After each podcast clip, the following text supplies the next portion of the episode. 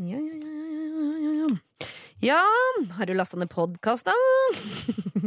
jeg jobber med å bli mer folkelig. Det var kanskje et litt uh, dårlig uh, forsøk på det. Jeg skal jobbe mer med saken. Uh, jeg har tilbrakt tre timer sammen med Christer Torjussen, Trond-Viggo Torgersen og Siggen fra Ramona Siggen her på P3. Og vi har ledd og kosa oss. Eh, Vi har vært på strippeklubb, eh, vi har vært på nudiststrand, vi har vært en tur i Canada, faktisk. Og vi har eh, befunnet oss i midten av en rekke trekanter du ikke vil være med på. Det skal du også nå. Du kan selvfølgelig velge å ikke bli med, men det er jo veldig rart å laste ned podkast. Hva er det du driver med? Er du litt rar, eller? Kos deg, da! P3. Dette er Lørdagsrådet med Siri Kristiansen. på P3. P3.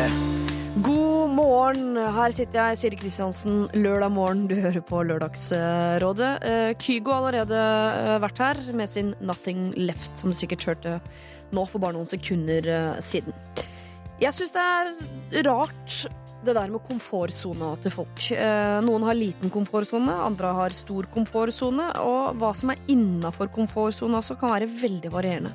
Det er noe som er helt, helt greit for folk, som for andre er helt forferdelig. For meg, for eksempel, så vil jeg si at det er helt, helt forferdelig å skulle snakke engelsk foran andre øh, norske. Jeg syns det er helt, helt, helt forferdelig tanken på å skulle være med på Singstar eller karaoke, selv om kun mine beste venner var i rommet. Det er 1000% uaktuelt. Jeg ville aldri ha gått med på det.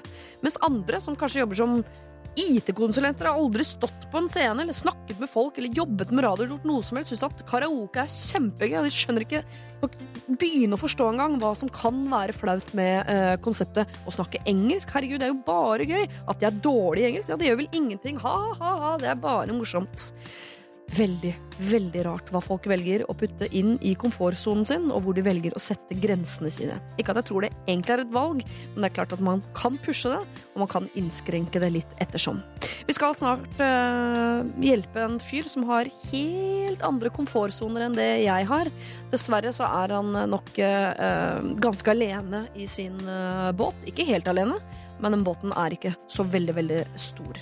Eh, Men før vi skal eh, dit, så skal vi selvfølgelig ta et blikk eh, tilbake på en av de vi har hjulpet før, bare for å høre litt hvordan det gikk. Det får du rett etter TLC.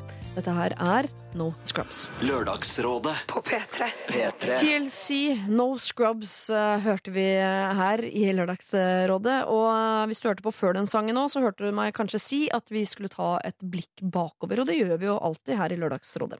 Denne gangen så skal vi ta et blikk et helt år tilbake, hvor vi fikk inn en mail fra en jente på 28 som i to år hadde hatt et avstandsforhold til en fyr i utlandet, som hadde tidlig i forholdet fortalt at han hadde en fetisj for å kle seg i dameundertøy, altså såkalt crossdressing.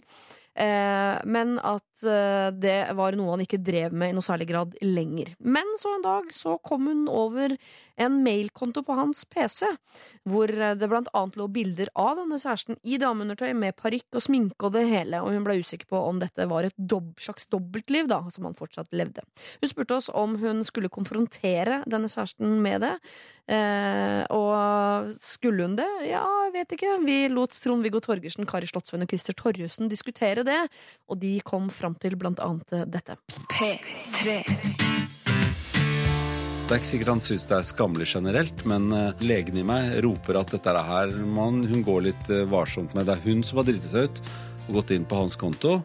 Og det, det, det, så der, der har hun gjort en feil. Og en annen seksuell preferanse kan like gjerne være en tilleggspreferanse, og folk lever sammen på veldig, veldig mange forskjellige måter. Noen lever sammen med uklar kjønnsreferanse, noen liker å kle seg i dameklær og lever sammen og har det bra likevel. Du kan ikke gå gjennom et langt, langt forhold og føle deg eh, utilstrekkelig og ikke være den som man egentlig tenner på, da. Dette er Lørdagsrådet På P3. P3. Det var altså noe av det Trond-Viggo Torgersen, Kari Slottsveen og Christer Torjussen mente at denne jente 28 skulle gjøre. Nå, nesten et år etterpå, har vi fått ny mail fra eh, den jenta, og hun skriver Takk for at dere tok opp problemet mitt for over et år siden. Status i saken er at jeg avventet konfrontering av det jeg hadde sett inne på mailkontoen til kjæresten min, for å gi han tid til å lufte temaet selv. Etter et par måneder uten noe initiativ fra hans side trengte jeg å få svar på hva dette var for noe. Jeg tok det opp på en skånsom måte og forklarte som sant var at jeg så innholdet i mailen ved en feiltagelse. Han forklarte at eh, crossdressingen og kontakten med det miljøet var en side ved han som han ikke lenger hadde behov for å leve ut, nå som han var sammen med meg, men at det hadde vært en kilde til stor fascinasjon tidligere. Han sa også at det var en gammel mailkonto som han bare ikke hadde slettet, og at det jeg hadde sett av nye mail, sikkert bare var spam fra diverse fetisj-nettsider. Det hele fremsto som ganske uskyldig, og jeg trengte egentlig ikke å ta stilling til om det var noe jeg ville la han fortsette med, eh, selv om jeg var kommet fram til at jeg var ok med det. Eh, så lenge dette her bare handler om å tilfredsstille nysgjerrighet på nett og ikke fysiske relasjoner, er det greit for meg. Jeg fikk uansett de svar og den bekreftelsen jeg trengte, og han ble tryggere på min holdning til det hele, om det skulle dukke opp andre behov i fremtiden. Med vennlig hilsen Jente28. En del av problemet var jo ikke engang et problem, og det er, det er en av grunnene til at jeg syns det er litt um, både gøy og frustrerende og, og uh, im- imponerende, faktisk, og inspirerende å sitte her uke etter uke og gi råd. For ofte lager vi jo problemer som ikke engang er problemer, fordi vi sitter og jobber med det kun oppi vårt eget hode, og vi snakker ikke med andre om det. Tenk så mange problemer som egentlig ikke fins. Det må være en inspirasjon til deg som hører på, eh, til å tørre å ta et tak neste gang det er noe du syns er vanskelig. Kanskje ikke det er vanskelig, du må bare ta det taket, og så finner du ut om problemet er reelt eller eh, ikke. Det er veldig hyggelig da å høre at det går eh, bra. Hvis du vil ha hjelp, eller få det dytt i rumpa da, til å tørre å ta denne samtalen som det går og knuger på, så send oss en mail. lralfakrøll.nrk.no. Dette er NRK3. Låta vi har hørt heter Rio. Eh, folka bak er da Netski sammen med Digital Farm Animals. Det syns jeg er et veldig morsomt eh, navn. Eh, nå har eh, rådgiverne kommet på sine respektive plasser. Og god morgen, Sigrid fra Ramona og Siggen. God morgen, god morgen. Trond-Viggo Torgersen, god morgen. God morgen, god morgen. Og god morgen, Christer Torjussen. God morgen. Er det noen som uh, vil rekke en hånd i været og, og åpne med å fortelle noe helt sånn uh, halssprekkende nytt og gærent fra livet sitt?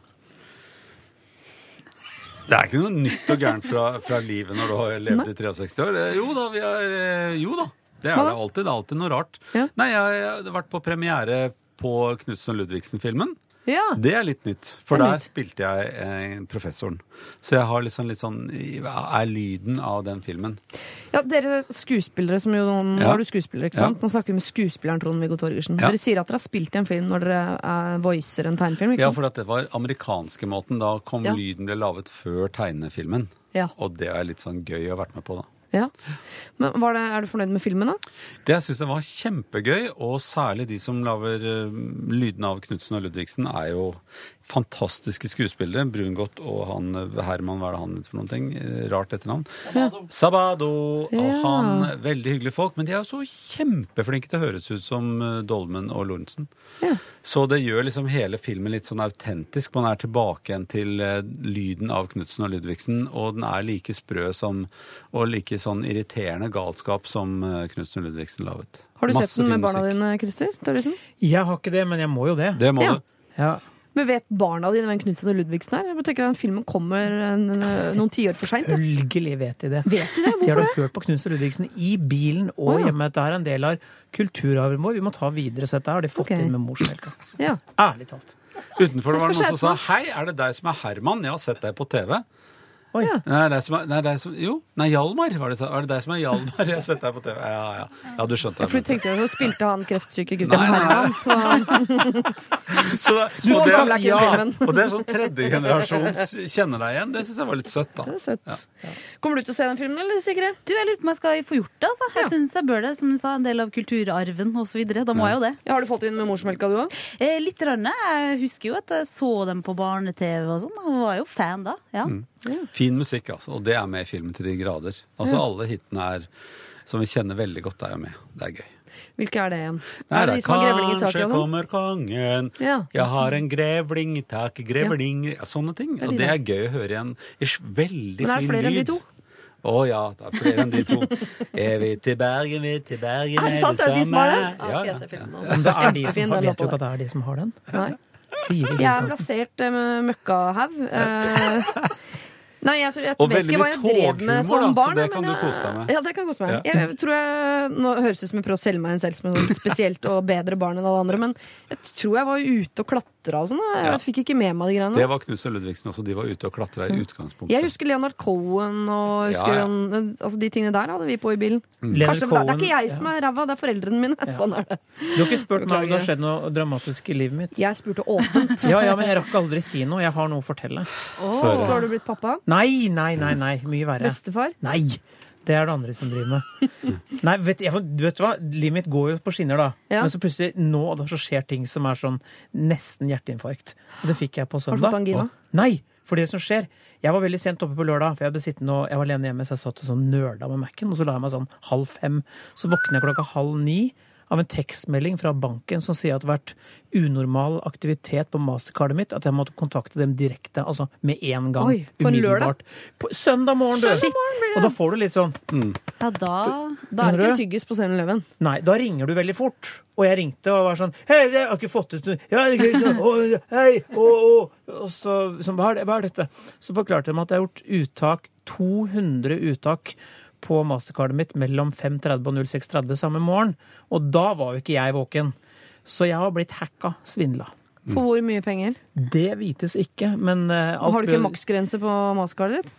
Jo, men de, de fortalte meg aldri hvor mye som Nei. de har eh, det som er eneste, De sperra det med en gang. Ja. Jeg klippet stykket så alt er greit. Men det er bare en sånn pangstart på en sånn søndag. Ja. Og jeg var alene. Jeg hadde tenkt meg speiling og kaffe. Ikke total ruin altså, og hjerteinfarkt. Jeg, jeg regner med at det du vil oppnå med denne historien, er at man skal bli lei seg, men jeg ble veldig glad av den historien, for det betyr at, at banken passer på oss. Ja, og det er veldig bra at det fins et sånt varslingssystem, men det er, er en, kommer litt bardus på når du ligger der i tåka.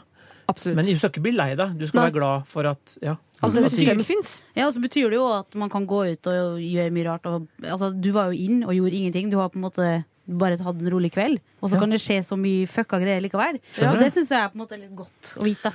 At Tenk at livet ditt kan bli så rikt ved at du ikke gjør noen Ja. ting. det er jo veldig deilig. Åh, jeg Og så fint du applauderer fikk tak i det, data. at du var hjemme og sånt nå. Ja, ja, jeg har jo alltid mobilen på hvis jeg ikke er i nærheten av familien, sånn i tilfelle at det er sånn. Og da våkner du av den sånn pip, te tekstmelding våkner jeg av. Ja. For det betyr at noen vil meg noe. Det ligger jo sånn små Jeg har slått av på sånn hvilefunksjon, for det fins også at du kan si 'ikke forstyrr' fra klokken da til da. Jeg vil helst bli forstyrra når folk prøver å ruinere meg på, med kortet mitt. Det, Ja. Jeg meg Kan man utnytte dette systemet? lurer jeg på? Kan jeg ta 200 uttak på mastercardet mellom halv fire og halv Prøv, fem på natta? Og håpe at de ringer og sier sånn Hva? Jeg har jo sittet hjemme med Mac-en! Jeg skjønner ingenting. Eller er- blir, altså, går de til sømmene? Kommer de til å sjekke går videoovervåkningskameraer og rett sånn? i sømmene, for de kjenner igjen hacking. de vet jo hvor det er gjort også, og de sa at det mest sannsynlig er at jeg har vært og betalt Ungarn, med noe. Nei, altså jeg har vært betalt med et eller annet på en eller annen nettside, og så har den nettsiden blitt hacka, og de har klart å dra ut opplysninger derfra. Eller kort med blitt skimma i London eller på reise. I hovedrollene. Sandra Bullock. ja, så. Så ikke si at livet mitt ikke har Nei, nei, Nei, en En dramatisk peaks. Eh, men har det skjedd noe på sivilstatusfronten, lurer jeg på. Jeg sparer eh, godsakene til slutt. Derfor, Sigrid, må du pent vente. Eh, fordi det er i hvert fall potensielt mest størst sjanser for at noe kan ha skjedd.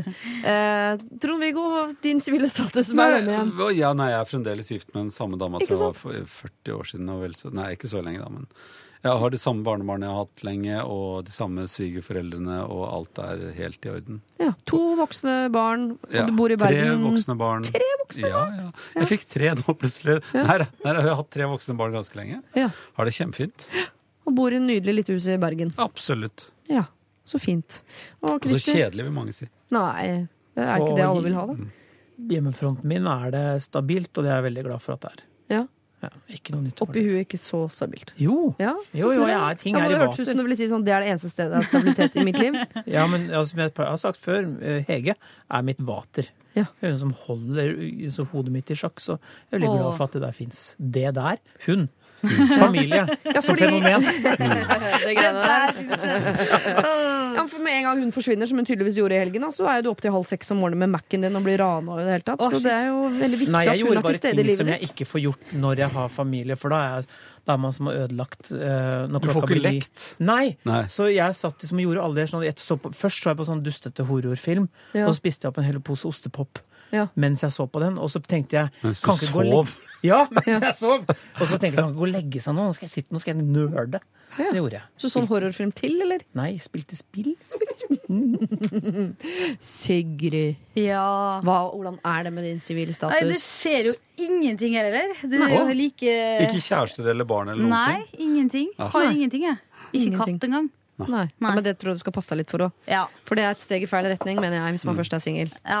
Så du løper etter en start inn et eller annet sted? At det skal være begynne? ja, kanskje, altså, men i siste så har jeg faktisk endelig bare begynt å tenke sånn Nå gidder jeg ikke bruke tid på det her. Nå bare venter jeg til noe kommer poh, i fanget på meg. Ja. Så nå sitter jeg mest inne og venter, egentlig. Det er der Du de sitter inne i leiligheten og venter. Da burde Det er der det kommer. Den kan bli hacket. Det er det som er farlig inne i leiligheten. Plutselig får en tekstmelding klokka åtte om morgenen. Der er mannen i ditt liv. Og han har gjeld. Men du, du, er åpen, du er ikke en sånn singel som sier at jeg trives best som singel. Jeg vil ikke ha kjæreste. Nei, jeg tenker at jeg har lyst på det på sikt, men jeg bare tenker sånn at jeg har brukt så mye tid av livet mitt på å prøve at øh, det skal skje noe. Så nå øh, får jeg bare leve livet og se om det ja, Om det skjer noe. Åpenbare seg. Ja, Høres ut som veldig god strategi. absolutt. Eh, bare ikke sitt inne i leiligheten og vent, for de mennene som kommer inn i leiligheten din, det er Ja. ofte ikke de du vil etablere deg med, Nei. eh, har jeg lært. Særlig hvis de ikke er invitert. Da vil du ikke ha Nei. Nei. Det er ikke noe å spare på, altså. Med dette som grunnlag, folkens, så skal dere gi gode råd nå fram til klokka tolv eh, i dag. Og du som hører på, hvis du tenker at det her er eh, riktig eh, gjeng for meg, så sender hun en mail. eller alfakrøll.nrk.no.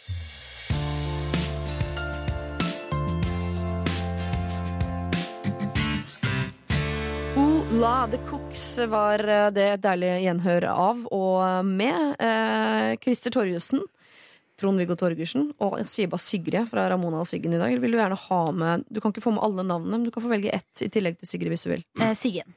Sig, du er Siggen. Yeah. Okay, da går vi for Siggen.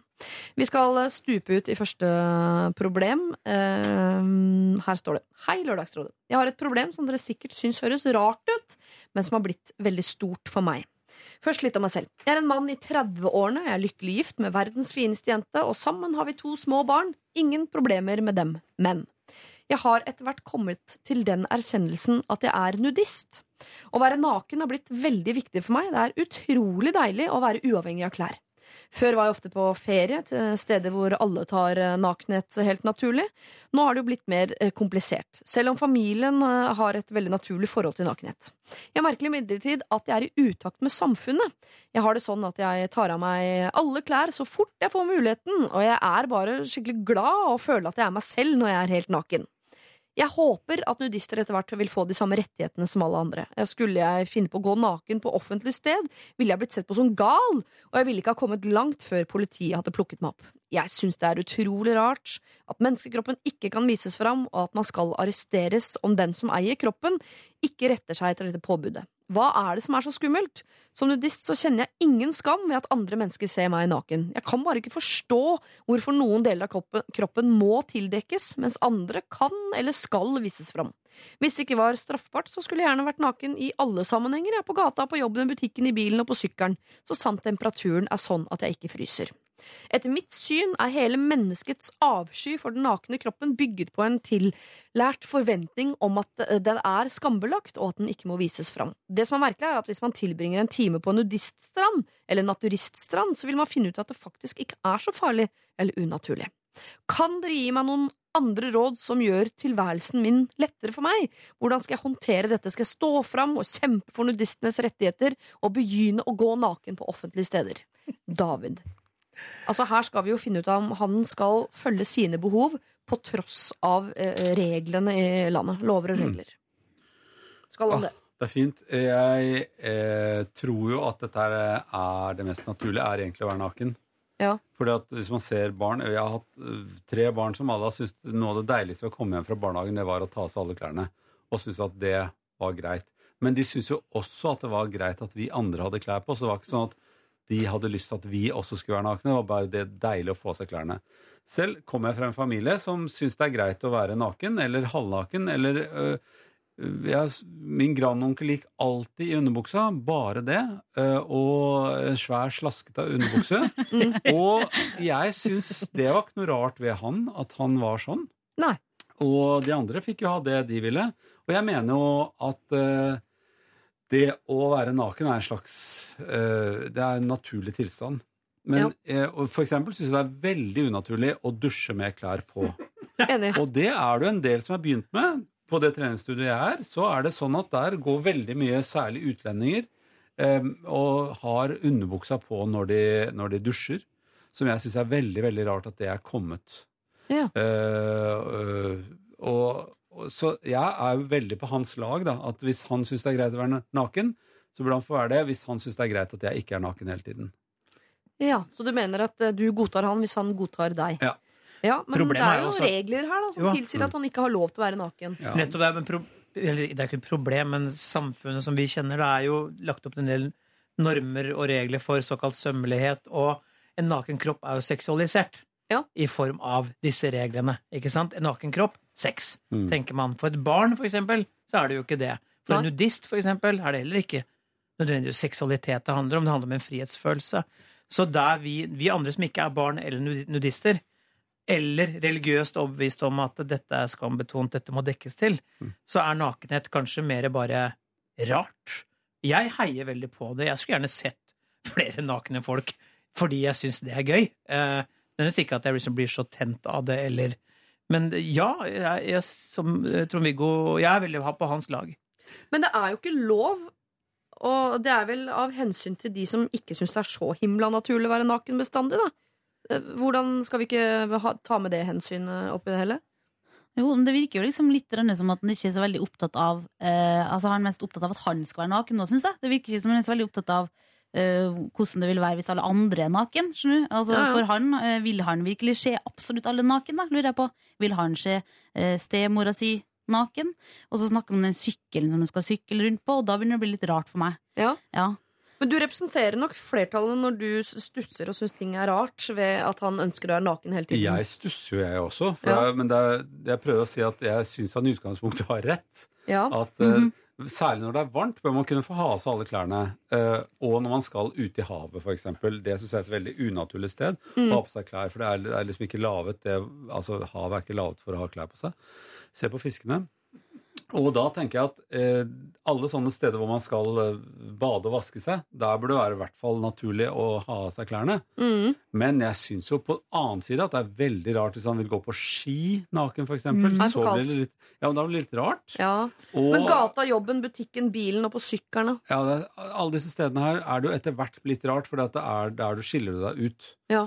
Og det er jo samme med folk som har lyst til å ha på seg rød nese, eller altså noe annet som er veldig rart og ikke så veldig vanlig. At da, eller et speilegg for eksempel i pannen, hvis det er noen som har lyst til å ha det, så er, er det også litt rart. Ja. Så det er det å Hvor rar skal man være før det ikke er noe vits i lenger?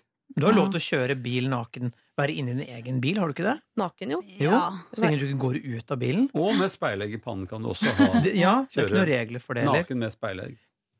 Nei, jeg kan jo være tilbøyelig til å være enig i at det kanskje det er rart at det skal være uh, en lov som forbyr deg å være det Å bare ha på seg din egen kropp. Er det, lov til, er det ikke lov å være naken På offentlig? offentlig sted. Nei. Er det ikke det? Det er en grunn til at det er en nudiststrand, og stranda ved siden av Ja. er naken der. Så blir du jo jagd bort av politiet. Og da sier de hysj, hysj men jeg går over på nudiststranda. Og det er ikke lov å være full på offentlig sted eller drikke. Nei. Men det gjør jo folk likevel. Ja. Så jeg tenker sånn litt naken, hvis du ikke er sånn kjempenaken. Mm. Men jeg syns vi skal eh, også eh, Grunnen til at det ikke er lov, antageligvis, er jo av hensyn til andre mennesker. Mm. Eh, at, det er, at jeg skal skånes fra å se andre naken, selv om det er naturlig for de. Eh, og tenk da på eh, En ting er nå eh, meg. Jeg Mm. tipper at innsender David her er ikke så opptatt av akkurat hva jeg syns. Men han har to små barn der, da. Eh, bor i en by, og hvis du er han naken i den byen, så vet fort de andre i den byen hvem du er. eh, skal han ta hensyn til familien? Det er en grunn til at han bringer familien inn i problemet. Hvis plutselig faren til Per og Pål Han pleier å være naken på Kiwien. Det spørs om man må ta hensyn til det. Jeg husker vi hadde sånn historie om en fyr som alltid på vei hjem på skolen, så var det en skummel mann som gikk naken i skogen der, og han gjorde jo aldri annet, noe som helst, skulle jeg si. Men det gikk jo, vi alle snakka om han og lurte på hvem han var, og det vil jo sikkert være det samme med han her faren. At han vil bli en snakkis, da. Og de, det er ikke så kult for de kidsa, sikkert. Ja, det er jo veldig opplagt hva som er svaret, og det er derfor jeg prøver liksom å gå rundt det. da. Mm, altså, ja. at jeg jobber litt for at Dette er veldig feil program å gå rundt svaret. ja, nei, nei, det, nei, men det går rundt i den forstand at ja, jeg syns det er fint at man skal kunne være naken på en del steder, og så kan vi heller bestemme hvilke steder det kan være. Og det bør ikke bare være nudiststrand. Jeg synes det er hvor, hvor kan man være på en vanlig stand, ta av seg klærne akkurat når man skal ut i vannet, f.eks., og så ta de på seg på vei opp?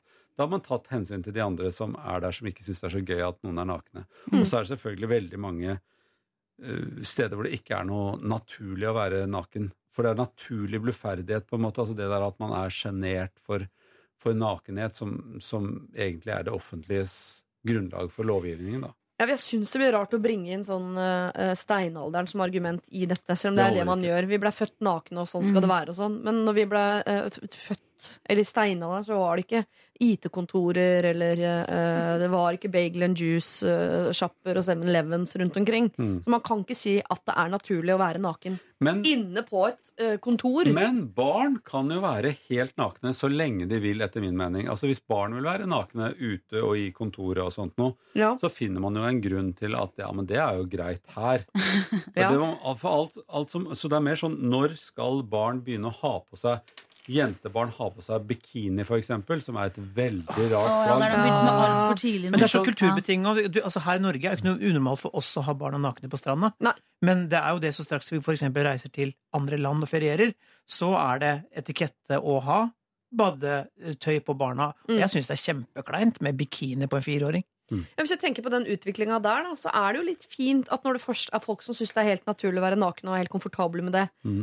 at de presser det litt grann på oss nettopp for å, å kanskje stoppe eller til og med reversere en del av den utviklinga der. Kanskje David er en litt sånn vi, altså med sin sivile ulydighet, hvis man kaller det det, er Ja. litt sånn uh, øh, stå på barrikadene for mer nakenhet. Ja. Ja, han Og møter jo, og møter jo veggen i det øyeblikket han åpner utgangsdøren, så det er, det er akkurat der det, liksom, eh, Der det stopper. det er der det stopper. Men det er nesten litt kjipt at den skal være så ekstrem, hvis du skjønner. At det, det hadde vært bedre hvis det fantes flere av han, en litt mildere variant. Mm. Det kunne jeg gjerne vært med i det partiet, skulle jeg si. Men Ja. hvor mye kan han ta av seg da, før han, så han ikke er naken og Ja. samtidig har klær på seg? Kan han ha en løs underbukse og som ikke presser noe på kroppen hans, og som bare henger der? Hudfarga underbukse. Jeg Ja. tror han sa at han vil på en måte bare være helt fri. Ja. Helt naken hele tiden. seg. Mm. Men uansett hvor hardt han kjemper, så kommer han aldri for eksempel, til å få innført nakenrom på jobben og sånne ting. Nei. Nei. Det gjør han ikke. Men jeg syns han skal fortsette uansett. Nakenavdeling på bussen osv.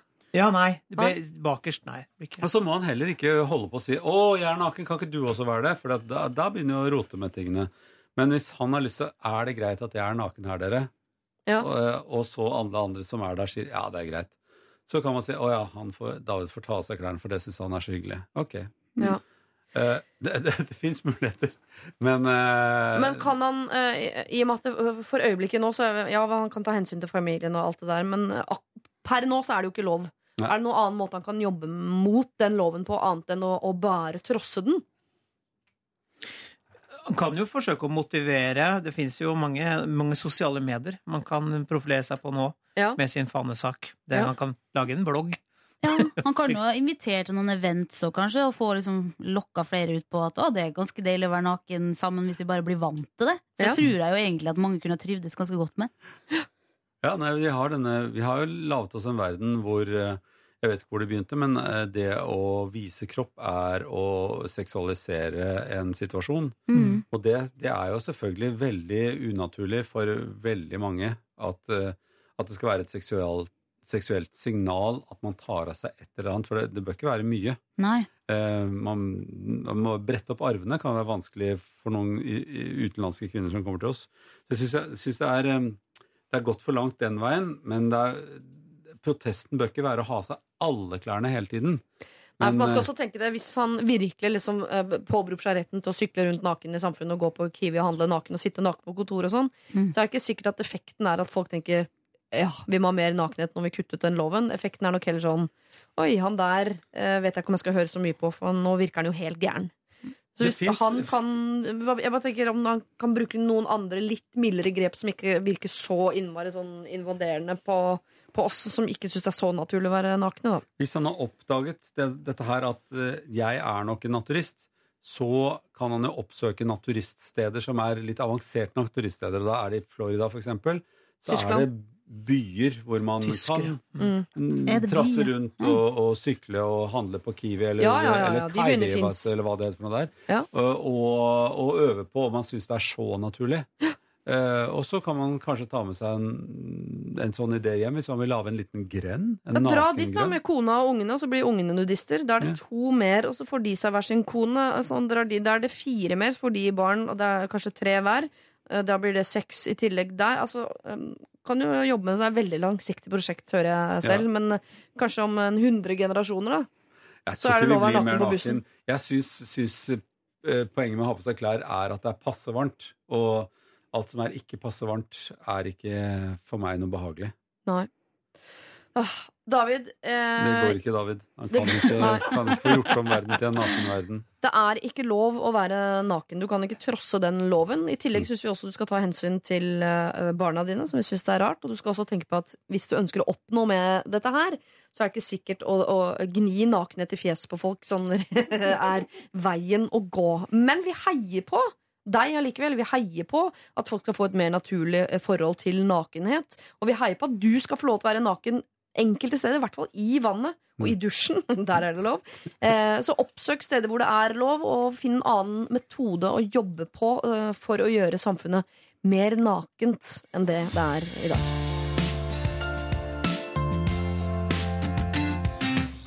Love Myself synger hun Hailey Steinfeld, og du hører på NRK P3 Lørdagsrådet er dette her, da. I dag har jeg med meg Siggen som rådgiver, sammen med Trond-Viggo og Christer Torjussen. Eh, vi har allerede eh, truffet en eh, fyr som ønsker å være naken. David, hei. Vi skal videre til en som faktisk også heter Sigrid, men det er ikke deg, Siggen. Jeg er en jente som er bonde. Dette fører til at jeg på høsten er på mølla og leverer korn ca. 15 ganger i løpet av en fireukers periode. På dette mottaket jobber det en gutt som er veldig kjekk, og han har snille øyne. Dette oppdaget jeg først i år. Av de gangene jeg har levert korn, har han jobbet tre-fire ganger. Vi har snakket litt, totalt ca. 40 minutter, tenker jeg, om hvor vi bor, hvor vi kommer fra osv. Når vi snakker, har vi veldig mye øyekontakt, og, hans, og vi smiler til hverandre. Jeg vet hvilken by han kommer fra, hvilken by han bor i, og hvor han jobber. Men vi har ingen felles venner. Han har et veldig vanlig norsk navn, og jeg klarer ikke å finne han på sosiale medier. Jeg lurer på om han har dame, eller om han er singel. Jeg vet at han ikke har giftering, men nå vet jeg også at jeg ikke kommer til å se han før neste år. Eh, Jeg har jobbtelefonnummeret hans, da. Men det kan jo bli veldig flaut neste år, for jeg må jo tilbake dit da. Og det kan bli ekstra flaut hvis han forteller til kollegaene sine at jeg har ringt. Jeg har bare jobbnummeret hans, og jeg vet at han skrur av den utenom arbeidstid. Jeg har forsøkt å søke opp privatnummeret, men det finner jeg da altså ikke. Eh, og Sigrid lurer da altså på hvordan skal hun få kontakt med denne fyren? Kompleks Ja, situasjon, det er litt altså. komplekst, altså. Når du ikke er på sosiale medier, og du bare har jobbnummer. Mystisk type. Ja. Ja, det er sånn gamle dager, det her. Ja, ja, veldig. Litt sånn erotisk novellestart og der, med den mølla og gå Korn Ja, ja, altså, ja, ja, ja, Ja, ja. Jeg var helt- Jeg liker hele oppsettet her. Liker, ja, liker det veldig godt. Men eh, er, er, eh, er Tror du hun tenker på om eh, Hun lurer på om hun har, har muligheter for å få sjans Ja, ja. Hun, Så det er, det er det vi er ute etter nå. Hvordan skal hun få signalisert det? Ja. Og hvorfor skal det være så veldig mye vanskeligere nå enn en, en før sosiale medier? Altså det, er, det er jo bare å tenke Ja, jeg ringer ham på jobben med en veldig dum uh, unnskyldning for å Ja. se han igjen. Ja, vi må finne på en unnskyldning til å se han igjen, da. Men da Ja, kan, kan vi hjelpe henne litt på vei Ja, nettopp! Kan der. du spørre om noe kornete? Kanskje, noe, ja, ja. noe sånn Kornrelaterte spørsmål? Ja, for Ja. han er jo en fyr som har tillitsvekkende og pene øyne. Mm. Er sikkert en da klok fyr også, så har, hun har jo møtt ham før. Ja. Ikke sant? Og sier du, jeg vet ikke om du husker meg, men jeg har et spørsmål angående kønn. Ja. Ja. Går det ikke an å si det? Og da må de Eh. treffes og snakke mer om det, eller hvordan um, Altså, jeg kjører jeg 15 Det er en god ganger i året er jeg her, og jeg dyrker for det meste bygg. Ja. Og jeg lurer på om jeg skal gå over til en, en mer hveterelatert uh, sort. ja. Men jeg tenker på jordsmonnet og økonomien. Har du en mulighet til å ta en kaffe og diskutere kona med meg? Nettopp, for der vil hun finne ut er han en fyr jeg kommuniserer godt med. Mm. Ja. Går praten lett her nå? Sier jeg, ler han litt av det jeg sier, eller kan jeg få han til det her, er- det er helt, Jeg er helt enig inn på noe faglig. Jeg er litt uenig. Jeg synes Det høres ut som hun kan rote seg inn i en sånn Seinfeld-situasjon her. Ja. Og det føler jeg er så typisk meg å følge de rådene dere er nå, og så roter jeg meg inn og så ender jeg at man møter en fyr her tusen ganger, og vi skal snakke om korn, og jeg må finne på noe nytt, og neste gang blir det bare verre og verre. Ja. Jeg synes helt seriøst, jeg- det er ikke noe god på, god på sjøl, men bare hun bør bare ringe. Kanskje spørre om et eller annet om korn, og så bare si sånn Men du, skulle ikke vi bare finne på noe? Ja. Bare gå rett på. Og så får bare, det er mindre flaut det når de skal Jo, møtes neste år, enn at hun driver og Nei, men skal møte han tusen ganger grann korn. fagprat først. For da, jo, men da oppdager man om man har en fin tone. Jo, men det Ja. har de jo allerede, har de ikke det? Ja, vi vet jo ikke helt, da. Oh. Ikke sant? Smiler, øyekontakt. Ja, nettopp. Men da altså, vil hun jo forstå sånn Har vi en god prat gående her nå? Da kan man sette inn støtet. Men Ja. så si sånn herre Hei, du, korn. Men du altså, Jeg tror man må litt Man må alltid smalltalke. Dette Hei, det er Sigrid. Bygg, hvete, rug. uh, Jo, jo. Ja, samme det. Skal vi Men det gå her har vi snakka om før, at når man skal komme i kommunikasjon med noen, så må man ha smalltalken, ikke gå rett på Men det har Men vi ikke turt foreløpig, da. Nei. Nå har jo levert kornet hos han og sett han inn i øya, og de har snakket naturlig sammen. Ja. Så kanskje de trenger litt mer tid. Det kan være kornpratet. Begynne med det. Si du, forresten, det var godt råd, men det er ikke det jeg i utgangspunktet tok kontakt med deg for. Men nå sitter vi nå her, og eh, jeg syns du virker som en veldig hyggelig fyr. Ja. Og da mener jeg vi er i gang. Man kan ja. si, ja, man kan si den derre Du, nå bare lurer jeg på, hva har du på deg? Mm. Er det, er det felleskjøpet? Ah, Det er, åh, du kan det, men det Ja. kan bli litt rart. Men dere er veldig opptatt av denne telefonen, og de har jo møtt hverandre face to face veldig mange ganger. eh, Og selv om hun ikke har noe mer korn å levere til dette mottaket, så vil jeg, i og med at deres på en måte eh, plattform så langt har vært å møtes face to face, så syns jeg det er litt rart å bringe telefonen på banen. De har møtt hverandre flere ganger. Ja, Plutselig men skal hun ringe nå er det neste år, er det ikke det? Du, Nei, men eh, kontakt. Hun er ferdig å levere sitt korn. Det kan vel hende at det der mottaket fortsatt er åpent. Så Åh. jeg tror ikke alle er ferdig å levere korn. Kan du ikke svinge innom en dag, da? Og så kan du si hei, bygg, hvete, rug. Ja. Samme alt. Kål.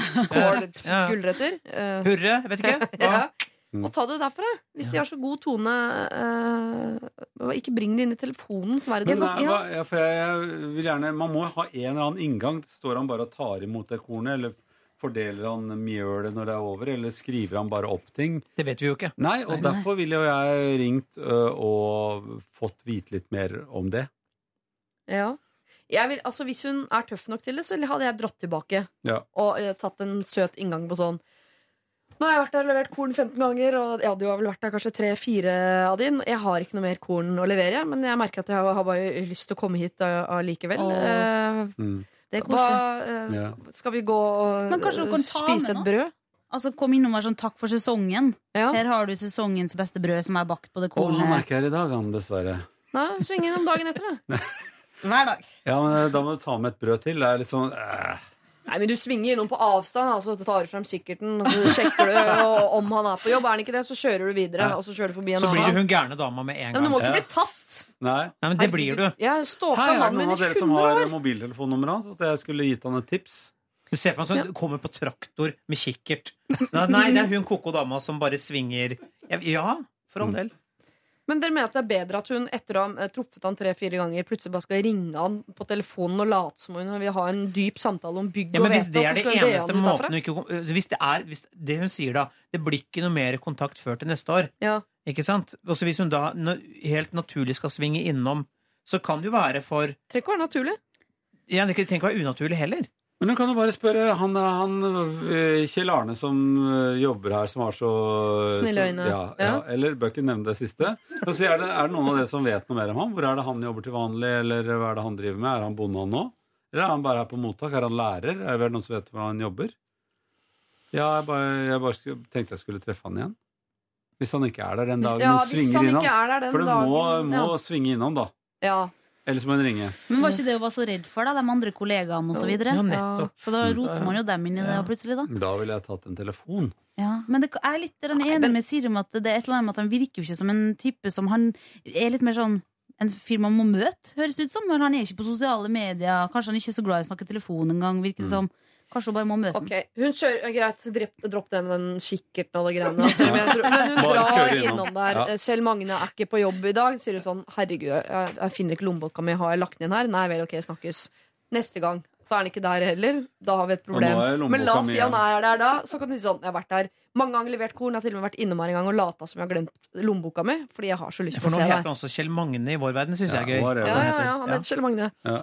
Bondevik. Var ikke det jeg begynte med, men det er greit. Hva sa du enn var noe? Nei. Tilsvarende. Dobbeltnavn. Ja.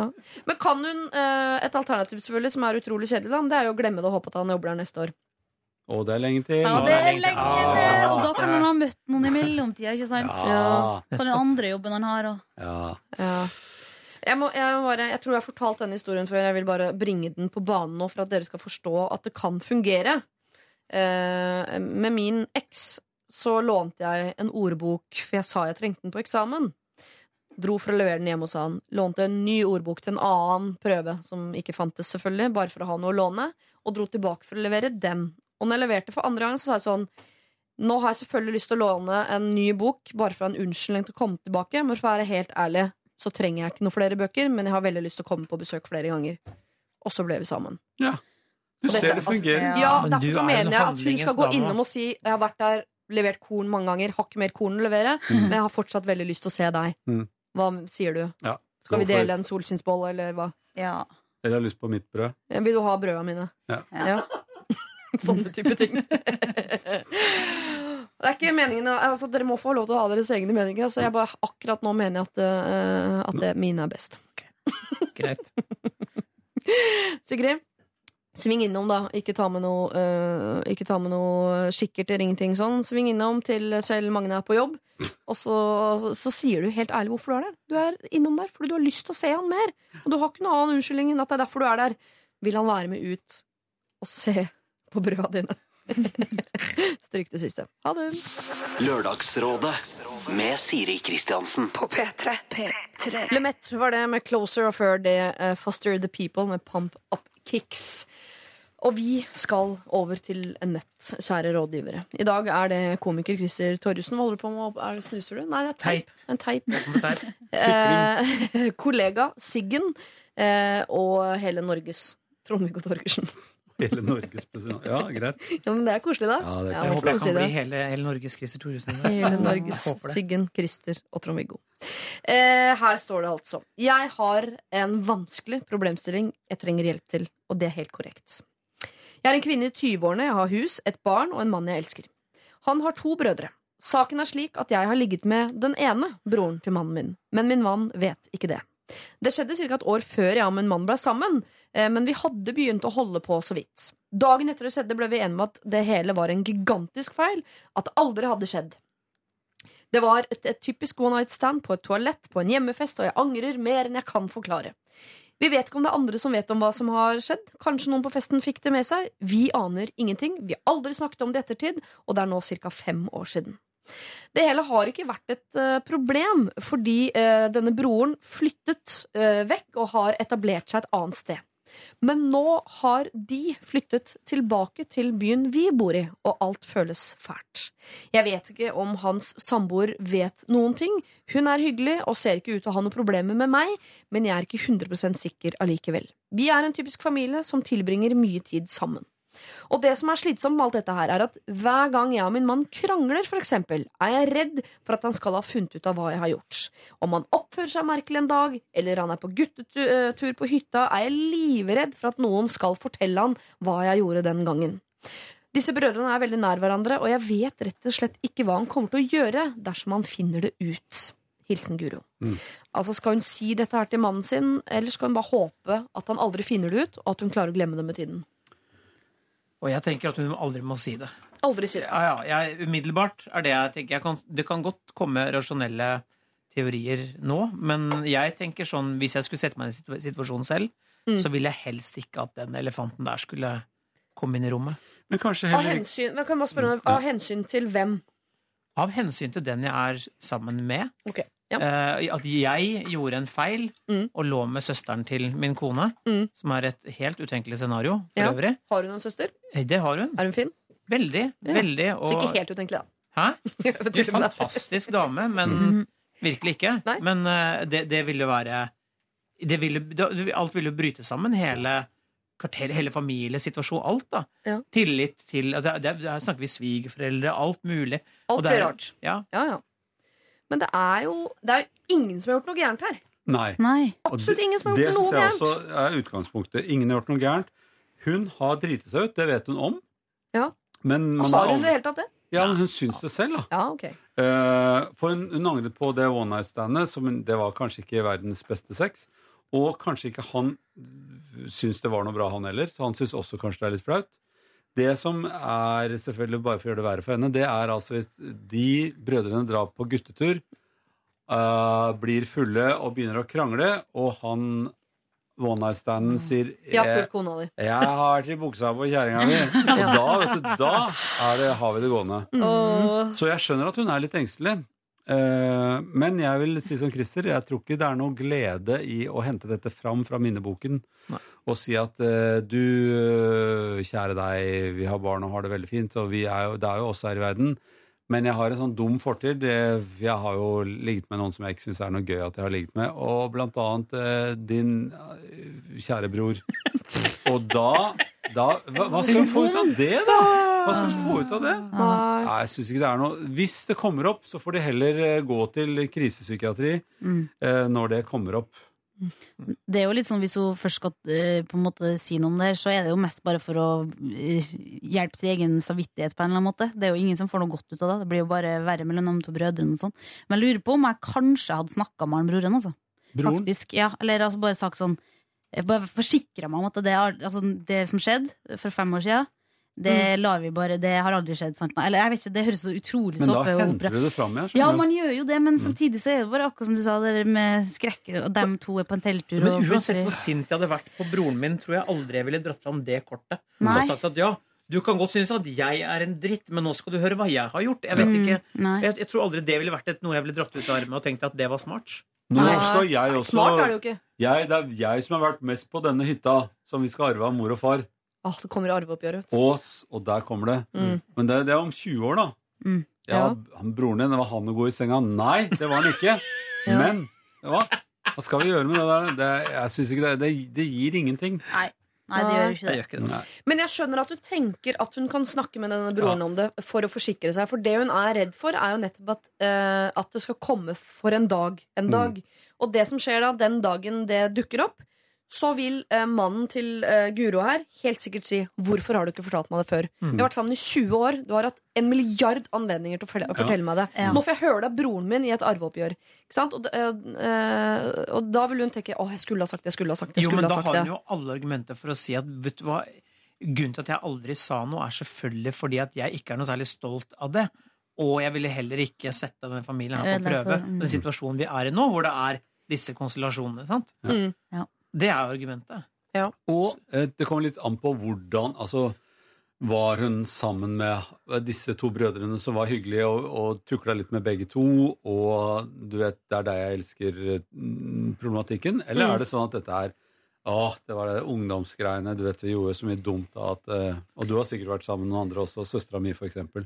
Det er, det er jo, Du kan jo det er, håpe at han har vært sammen med søstera hennes. Ja, you, Altså, you never da- know. ja. Hvorfor skal ting opp, altså? Husker du den sauen som uh, det, Nei, det husker jeg ikke. Når var det? Nei, ikke sant? Hvis det er, hvis det er sånne ting også man, man har gjort fryktelig mye dumt i livet. Og noen Kan man bli ting, sjalu på en sau? Jeg vet ikke, kan man det? Men noe, Ja, noe, Synd på kanskje, men noe er verre enn andre ting. Og det er noe av det som bare må skrives opp på fortidens konto. Drite Men det seg ut kan jo hende at akkurat denne kjæresten til Guro er en fyr som tenker sånn Herregud, vi var jo ikke sammen. Det er jo ikke noe å tenke på. Nei. Nei. Det kan hende. Jeg Ja. sier Det er ikke veldig sannsynlig, men det kan hende. Og da er det jo dumt, da.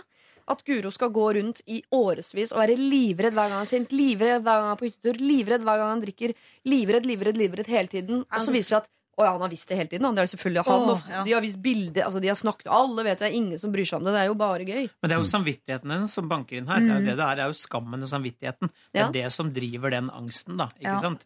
Eh, og Men har det som- vært deilig å bli kvitt det? ja? Som regel så, jo, men som regel så er sånne angst, sånne ting som det, er irrasjonelle, da, ikke sant? Og så jevner det seg på en måte ut. Men ja, Det har jeg, gått fem år, da. ja. Tenk på det fortsatt. De har fått Ja. barn sammen, de har flytta sammen. Det er dem, liksom. Jeg synes det høres kjempestress ut. det at Hver eneste situasjon når det er litt sånn boble, og sinne mellom dem to, så tror hun at det er Ja. det. Jeg vet ikke om jeg hadde klart å leve med den angsten der.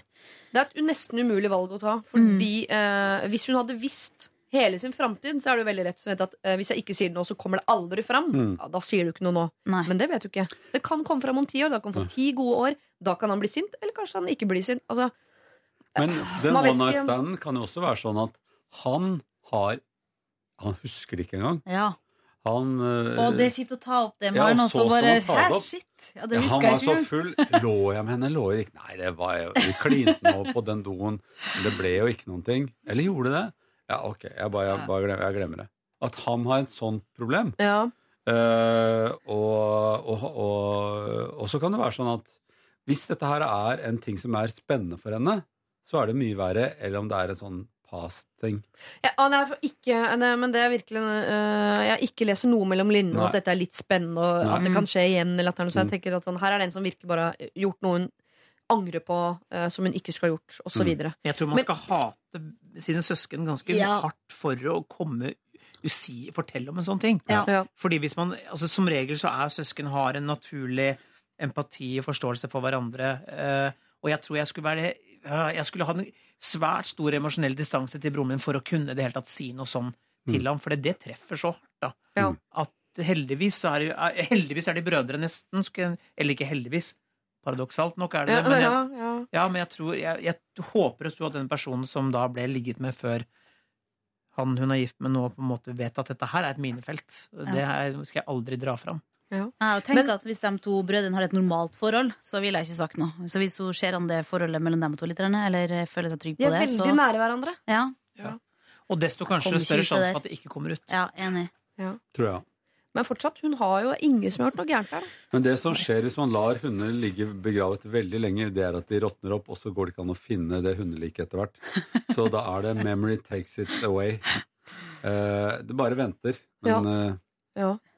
Det er, jeg, jeg, må, jeg må si at det er rart, for Guro har gjort noe for lenge siden som ikke er galt egentlig i det hele tatt. Nei. Og hun sitter nå etterpå og har, føler på skammen. Hun kan ikke si det, hun må være alene om det. Eh, Det går ikke an å prate om det. Og vanligvis så sier man sånn, det går an å prate om alt. Er dere glad i hverandre, så fins forståelse og sånn. Men allikevel så lander vi altså her i Lørdagsrådet på at Guro, dette her må du ikke finne på å si høyt. Her må vi ta sjansen på at det der aldri kommer fram. Eh, hvis de er glad i hverandre, de brødrene, så kommer de aldri til, han kommer aldri til å bruke det mot broren sin. Eh, og hvis det er sånn sier at ingen andre heller vet om det, så kommer dette aldri fram. Eh, og vi, selv om det er et vanskelig valg å ta, så syns jeg jeg hører at det eh, vi lander på, er at du må ta sjansen. jeg Her- mener nøtten er knukket ved at vi har snakket om det. Jeg er ferdig med det. Ja. Det er som Vi har tilgitt deg Ja. på vegne Ja, av mannen din, Ja. barna dine og Ja. framtida di. It's, La det ligge, Guro. er Alle har det igjen. bra. Ja.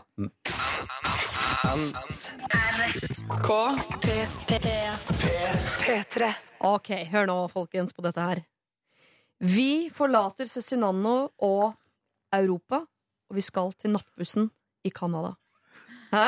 Ikke så dumt. Sånn. Ikke så dumt.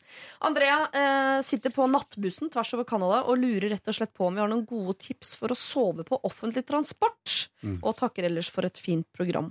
Eh, har dere noen gode tips på hvordan man sover godt på offentlig transport? Eh, Trond-Viggo, jeg vet er at du flyr mulig. mye. Eh, Altså, det, når, når, eh, jeg, jeg kan ikke sove stående. Det er det hester som kan. Ja. Eh, sånn at eh, jeg må få lagt meg ned et eller annet sted for å sove.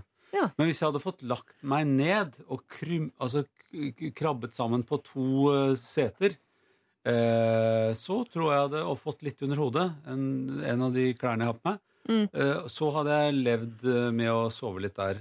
Det er, det er jo siklete, man blir svimmel av å kjøre rundt. Så Men du går for fosterstilling over to seter Ja. med eh, klesplagg som hodepute. ja, Ja, eventuelt en bag under der. Ja.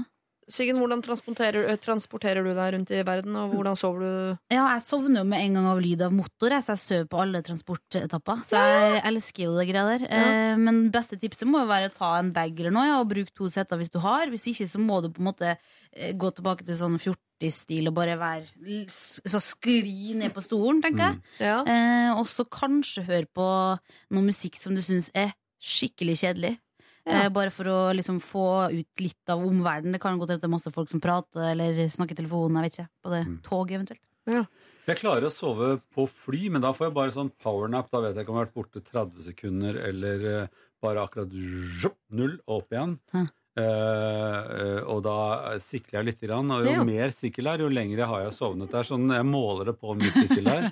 Men jeg er alltid så redd å begynne å snorke på fly. Det syns jeg er så avslørende på en måte at man sover. Er det da, så flaut? Folk syns det er så flaut Nei, å men altså, jeg syns det er flaut alt jeg gjør når jeg ikke vet om det, fordi jeg er meg Ja. Ja. offentlig. At jeg tenker 'Å, så du Torgersen, han lå der og sikla'. Nå begynner Torgersen å trekke på åra. Ja. Sikler og snorker. Ja. Men men det der å, å sovne bare sånn bitte lite grann, det kan være nok til å hvile. Men over hele Canada, I don't really know. Der ville jeg satte på, på å komme ned i Altså lagt, lagt meg på gulvet i den Gulvet? bussen, tror jeg jeg hadde gjort. Hva gjør du? Du kjører mye tog, Christer Torjussen? Forbausende mye tog og buss. Eh, Jeg har to triks til for å få sove. En triks er å få barn, for da sovner du eh, uansett. Mhm. Men det, det gjelder jo ikke alle. Eh, Hvis du ikke har barn, så eh, leser jeg. Jeg leser på iPaden, leser bok, faglitteratur, for det er litt kjedelig. Ja. Eh, og når jeg kjeder meg, så blir jeg trøtt. Eh, ellers så har jeg sånn guilty pleasure. Jeg hører på Krishna-musikk. Hva da for noe? Unnskyld en gang til, Krishna, sa du. monoton Krishna-musikk. Som- Nei, det er mer meditativ repetativ musikk, da, ikke Ja. sant? Som er type indisk-inspirert, som er sånn Krishna meditation-greie. Mm. Eh, så dette snakker jeg ikke ofte om. Nå jeg det på lufta. Eh, men fordi Altså, du blir mjukere og mjukere. ja, men det stabiliserer noe i Ja. huet mitt Ja. som gjør at det sånn denne repetisjongreiene Mm. Vær et bedre menneske, eh, gå i deg selv. Mm. Vær et bedre menneske, gå i deg selv. Og du, vær et bedre menneske, gå i deg sjøl. Mm. Med rytme til. Fint. Mm. Sovner. Ja, fordi jeg tenker at Enten er man jo en sover, sånn som Siggen her og meg selv, som jo sovner til enhver form for motordur, bortsett fra fly, da, for jeg er livredd. Så hvis jeg sover da, så er det mer at jeg har besvimt. eh, som jo også er et godt tips. Um, um, Eller så er man en som syns det er vanskelig å sove på transport. Og da må man jo virkelig liksom, Da må man gå hardt til verks. Og da tenker jeg eh, egentlig burde man lære seg å meditere. Kanskje man skal droppe Ja, men du trenger ikke lære deg å meditere. Du kan kjøpe deg sånn, sånn Bose, sånn Mm. Ja. headset som du kan koble ut lyden. Så du bare får den, det bruker jeg. Så jeg Ja. hører ikke alt det andre. Mm. Men motorlyd kan også fungere. Men jeg har kje- lest noe kjedelig. Mm. Høre på monoton musikk, det er nøkkelen. Jeg. Eller gå på rave og fest skikkelig, liksom. Og så er du helt utslitt av dansing og fest og Men det gjør man kanskje ikke alltid før man skal på bussen over Canada. Fest og fyll før buss over Canada. Du Det- hører det, da er. Det er nesten det samme tipset som å få barn, for det er ca. like slitsomt. Ja, det det. Ja, ok, André, jeg tror Du rekker vel ikke å få barn? Kanskje du rekker å rave? Det vet ikke jeg. Hvis ikke så Hvis du har tilgang på noe sånn eh, repetativ musikk Spotify er altså full av den slags. Ja, Hva søker man på da? Repetativ musikk? Nei, du skulle for eksempel Krishna Meditation, en Ja. sånn ting. Ja. Der, på med en gang.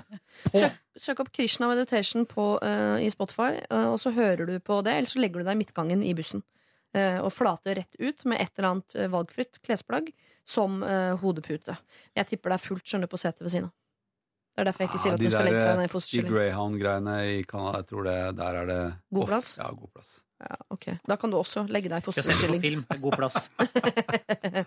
God tur gjennom Canada. Jeg er megamisunnelig for at du får lov til å Canada er det eneste landet i hele verden jeg har lyst til å besøke, eh, i tillegg til eh, mitt eget Norge, faktisk. Så eh, jeg kommer gjerne over og får deg til å sove.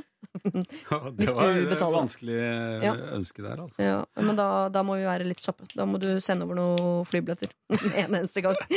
Hvis du som hører på har et problem, så send det inn til oss. Eh, Vår mailadresse er lralfakrøll.nrk.no. Dette er er P3. Rytmeklubben har vi hørt, og deres eh, girlfriend her i Det er det vanskeligste ordet jeg vet om på engelsk å si. Altså ordet jente på engelsk. Jeg sier det ikke igjen. Girl. Akkurat det ordet der, ja. Det er, ikke world det verre? ja, det er det samme ordet. Nei, Earth går Og fint. turd? Ja, men de der TH-lydene, men GRL på engelsk Vanskelig, ass. Si det på Drit i det, ja. sånn kinesisk girl. Jeg syns det er kjempevanskelig. girl. Ja, ja, The Turd si. Rule Fight Club. Girlfriend. Eh, Girlfriend var det med Rytmeklubben, som er et veldig veldig enkelt ord å si. da eh, Christer Torjussen, du er rådgiver i dag, sammen med Trond-Viggo Torgersen og Siggen her fra P3. Og vi skal inn i familien eh, igjen. Synnøve, 26 år, eh, hun har skrevet inn til oss, og her står det. Jeg liker rett og slett ikke stemoren min, og lurer på om dere har noen råd til hvordan jeg skal takle det på en god måte. Det virker som om pappa er fornøyd med dama, og det er jo det viktigste. Men jeg opplever henne som nedlatende, selvsentrert, bortskjemt og full av humørsvingninger. Dette gjelder overfor meg, broren min og pappa, men ikke overfor sine egne barn, opplever jeg, da. Jeg blir ekstremt selvbevisst og ubekvem rundt denne dama, og jeg ønsker at pappa skal ha det bra og vil ikke skape noe drama. Eh, både han og jeg er tiere på konfliktskyhetsskalaen, derfor har jeg limt på meg et smil de siste åtte årene hvor han har vært sammen med henne, og jeg gjør mitt beste for å bevare den gode stemninga. Men jeg er drittlei og merker at jeg blir deppa hver gang vi har vært sammen. Jeg gruer meg allerede til neste familiemiddag sammen med dem. Så, kjære Lørdagsrådet, har dere noen eh, gode råd til hvordan jeg skal takle stemoren min og anledninger der jeg må omgås henne? Det er stort sett kun ved disse anledningene jeg ser pappa også, så jeg ønsker virkelig at stemningen skal være så god som mulig. Hilsen Synnøve 26. Ja, øh, ja, en gang bare tø, øh, trøst. Først trøst. Trøst først. Eh, fordi at det er en grunn til at det heter eh, stemor. Altså det er, Stefar hører man ikke så mye om, men det er stemoren i alle eventyrene. Og det er en istedenfor mor. eh, og det betyr at eh, Er det det det står for? Ja. Mhm.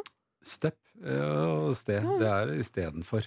Så, så det er istedenfor mor, og det betyr at eh, du Det var ikke henne som, som er moren din. Eh, og fordi at du ikke deler gener, for alle som deler litt gener, de har lettere for å like hverandre, eller i hvert fall synes at de må. Eh, og da går det oftere litt lettere. Men alle som har foreldre som de ikke liker, eller slektninger de ikke liker, de har det ikke noe annerledes enn deg. Så hvis du tenker på henne sånn at det kunne vært en som jeg var i slekt med, som jeg også ikke likte, så er du egentlig tilbake til null. Du må ta hensyn til henne på samme måte som andre du er i slekt med, som du ikke ville likt. Ja. Og da kommer vi til alle de vi ikke liker, bunken. Som jo uh, Og den er stor den blir for større og alle. større. Ja. Alle har en 'disse liker vi ikke'-bunken, Mm. men det er 'disse liker vi ikke', og de er så nære at vi må gjøre noe med det-bunken, som er ekkelt. Og særlig hvis far liker henne. Du liker ikke henne, men du liker far. Sånn trekanter. ja. De blir vanskelig. vanskelig. Ja. Det er gammel sosiologi og psykologiteori. Men er det noen som tenker at de har noen tips til hvordan hun skal eh, Hun må jo bare lære seg å leve i den eh, trekanten. Jeg hadde en sånn manøver hva faren min gjaldt, at jeg kalte de aldri eh, Pappa hadde jo flere. Eh, Han gifta seg jo to flere kjærester etter at mamma og pappa skilte seg. Jeg kalte de aldri for stemor. Jeg kalte de hun som pappa er gift med. Ja. For det var lettere, på en måte. Og det er dama til pappa. Mm. Og hvis så straks jeg ga det en sånn stemorrolle, så, så nei. Så kanskje jeg distanserte meg bare fra Mm. det fra jeg var 12-13 år. At det var bare hun som var sammen. med Jeg trengte ikke like det. Jeg det hadde jeg ikke likte. Eller ingen av de, faktisk. Men jeg sa aldri stemor heller. Jeg tror, jeg, tror det, jeg tror det man bare må si at ok, dette mennesket sliter jeg litt med å like så godt som pappa håper, eller den nære slektningen håper, da. At uh, man kan behandle det som alle andre som man ikke liker 100% Og det er jo veldig mange i denne verden som man bare Altså alle du gikk i klasse med, går du i klasse med fordi du er født samme år eller bor i samme bydel, eller altså Det er jo mange mennesker, men man kan respektere dem. Mm. Og så finne det nivået man skal være sammen med dem på. Hun sa noe veldig viktig. Hun sa 'jeg vil at pappa skal Ja. være lykkelig'. Mm. Ikke sant? Og det må ligge i bånn, da, som Trond-Viggo sier. Ja. Hvis han tilsynelatende er happy og fornøyd med dette mennesket, så må det på en måte være første, første bud. At Ja. Han må, du må, må ta hensyn til det, men du Ja. trenger ikke like henne for det. Så. Nei, jeg tenker uh, Hun trenger ikke å like henne, uh, men hun må bare godta at hun må omgås henne, og at pappa liker henne, og at det er hans valg, og hun er også et menneske som du kan putte i ikke-like-bunken din, f.eks. Men det jeg syns hun kanskje heller skal fokusere på, og som vi kanskje kan hjelpe til med, er eh, hvordan skal hun få eh, fin tid sammen med pappaen sin? For det hun blir frarøvet her ved å ha en stemor hun ikke liker, er jo å ha det hyggelig sammen med pappaen sin. Men da- Og jo, sånn men da- trenger du jo ikke ja. å være. Men nei, men hun kan jo uh, Altså, faren hennes er jo eksklusiv for henne. Mm. Hun kan uten Ja, Hun kan faktisk spørre om bare å ha litt tid sammen med han, bare. Ja. Som ikke vedrører henne, da. Det er faktisk mulig Mm. å legge inn det forslaget og si kan vi bare du og jeg dra noen dager til London, gjøre sånn far-datter-ting. Mm. Så det der kommer litt i annen rekke, da. Men hun må faktisk bare skru på det der dumme smilet når hun er sammen i sosiale sammenhenger. Fordi enhver familie er jo et minefelt. Det vil jo alltid være folk der du kommer mer overens med og mindre overens med. Og så må man bare skru på smilet og bare ok, aksepter at ting er som de er. Men ville ikke dere eh, som fedre ta det som et megakompliment hvis datteren deres på 26 år kom hjem en dag og sier sånn Vet du hva, jeg har utrolig lyst på mer kvalitetstid sammen med bare deg. Ja, pappa, Ja, kan vi stikke en tur til London? Mm. Da hadde ja. du pakka sakene dine ganske kjapt og Ja, stikket ja, til. London, hadde du ikke det? Ja, og, og stemoren, eh, hvis det er det hun nå heter, hun ville også akseptert det. Ja. Så hun ville synes at så hyggelig at hun har lyst til å være sammen med deg. Det, det, det må du gjøre. Og hvis hun ikke aksepterer det, da er hun bare bekrefter bare enda mer hvilket dårlig menneske hun er. Da Ja. trenger hun i hvert fall ikke like henne. Nei, men da vil ikke far like henne så godt heller, tror jeg. Eh, Sånn at eh, faren, faren vil få en vanskeligheter med en dame som, som skal okkupere hele morsrollen eh, Ja. når, når datteren er så stor som 26. Men det det mange voksne det er mennesker, ja. Ja. Men det voksne mennesker som faktisk er sjalu på barna til den de er gift med. Er Dessverre fins det det. Ja. Men det betyr ikke at man skal på en måte ta hensyn til det. Nei. Man trenger ikke ta hensyn i det hele tatt. Man skal kunne si 'kan du og jeg gjøre noe sammen'? Det handler kanskje bare om å ta en lunsj, bare de to ganger blant. Jeg dro alene til eh, Paris jeg som 14-åring for å besøke min far. Da hadde jeg ikke sett han på tre år. Eh, Og etter to dager i hennes leilighet så krever hun at de to skal gå alene ut og spise. Mens jeg sitter alene i en leilighet i Frankrike 14 år gammel og hører på 'Dagen er din'-kassett på repeat mens de to er ute og spiser middag sammen. Og hun syns han tilbringer altfor mye tid sammen med meg. Da tenkte jeg at den derre stemormyten eh, det er, det er antakeligvis en myte, men de fins. Altså, Ja, ja. de finnes Den der. historien her kjenner Ja, vi jo også, Ja. eh, og du valgte jo bare å dra. Jeg knivstakk de begge to, ja. Nei, men noen kommer i disse liker jeg ekstremt dårlige boksen ja. uh, i familiesammenhenger. Og det fins jo sånne både mannlige og kvinnelige bitches i, i nær krets rundt noen, som man vet ikke helt hva man skal gjøre med. Og, og en del av det å bli voksen er å finne måter å omgå sånne, eh, sånne konstellasjoner på, hvor man tenker at i de sammenhengene skal jeg bare ta på smilet mitt, og så skal jeg heller bruke mer tid i det selskapet også, til å ikke gjøre det verre enn det er. Og heller være sammen med de som jeg syns er gøyale å leke med. Jeg tror vi sier det, Synnøve, at stemoren din er stemoren din. Det får du ikke gjort noen ting med. Du trenger ikke å like henne, men du må akseptere henne. Det vi heller syns du skal fokusere på, er å få litt mer tid sammen med bare pappaen din. For det er jo, tror jeg, da, egentlig han du savner oppi dette her. Å være sammen med han alene. Og det er jeg helt sikker på at du får til hvis du foreslår det selv til pappaen din. Det er helt sikkert bare et veldig, veldig stort kompliment for han. God tur til London. Dette er Lørdagsrådet På P3. P3. Witness Teenage Dirtbag var eh, det. Eh, Du hører på Lørdagsrådet. Da er det ting heter etter hvert, altså. Teenage Dirtbag. Ja, jeg føler, jeg, så jeg føler meg enda eldre. Og det, men det der er ikke noe anklage, det er en erkjennelse fra den Ja, som ja. synger. Takk skal du ha. Vær så god. Trond-Viggo Torgersen, du er rådgiver her i dag. Det er også du, Krister Christer Sjørussen og Siggen. Og um, nå uh, skal vi da til et nytt problem, selvfølgelig.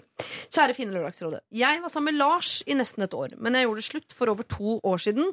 Og i ettertid så har jeg innsett uh, Nei, i ettertid så har han også innsett at vi nok ikke passet sammen. Vi har ikke noe særlig kontakt i dag, men vi bor i samme by og har en del felles venner, så vi treffes av og til. Når vi treffes, er stemningen god, og vi prater og tuller sammen uten problemer. Han har nå vært i et nytt forhold i over et år, eh, og er så vidt meg bekjent lykkelig og forelsket. Så til problemet. Lars har en bestekompis, Ole. Han er sykt kjekk, hyggelig, snill og kul. Da jeg var sammen med Lars, hadde jeg og Ole den gode tone, vi kom overens når vi tre hang sammen, men jeg tenkte ikke så mye over, da, for, over det da, for jeg hadde jo kjæreste. Men nå i ettertid, når jeg treffer Ole, tenker jeg mer og mer over hvor godt jeg egentlig liker han. Vi ses ikke særlig ofte, og når vi gjør det, er det som regel fordi vi treffes tilfeldig. Jeg har eh, ikke nummeret hans, og han er heller ikke aktiv på Facebook, og jeg har lyst til å bli bedre kjent med han, men min moralske side sier meg at det er ingen god idé. Så hva skal jeg gjøre? Skal jeg snakke med eksen min om hva han syns? Han har jo kjæreste og har det bra. Eller burde jeg bare glemme hele greia, glemme Ole og henge meg på Tinder-trenden som alle andre? Hjelp! Jeg elsker dere, skriver han. Skal du gjøre et fremstøt, syns du, Christer, i forhold til å bli kjent med eksens beste kompis? Altså, livet er for kort til å ikke bli kjent med bestekompisen til eksen. Ja. Eh, man kan jo se hva det er. Hun har jo ikke noe, jo ikke noen forpliktelser. Det er vel ingenting som gjør at hun ikke skal kunne gjøre det. Bortsett fra at noen måtte synse og mene. Jeg vet ikke.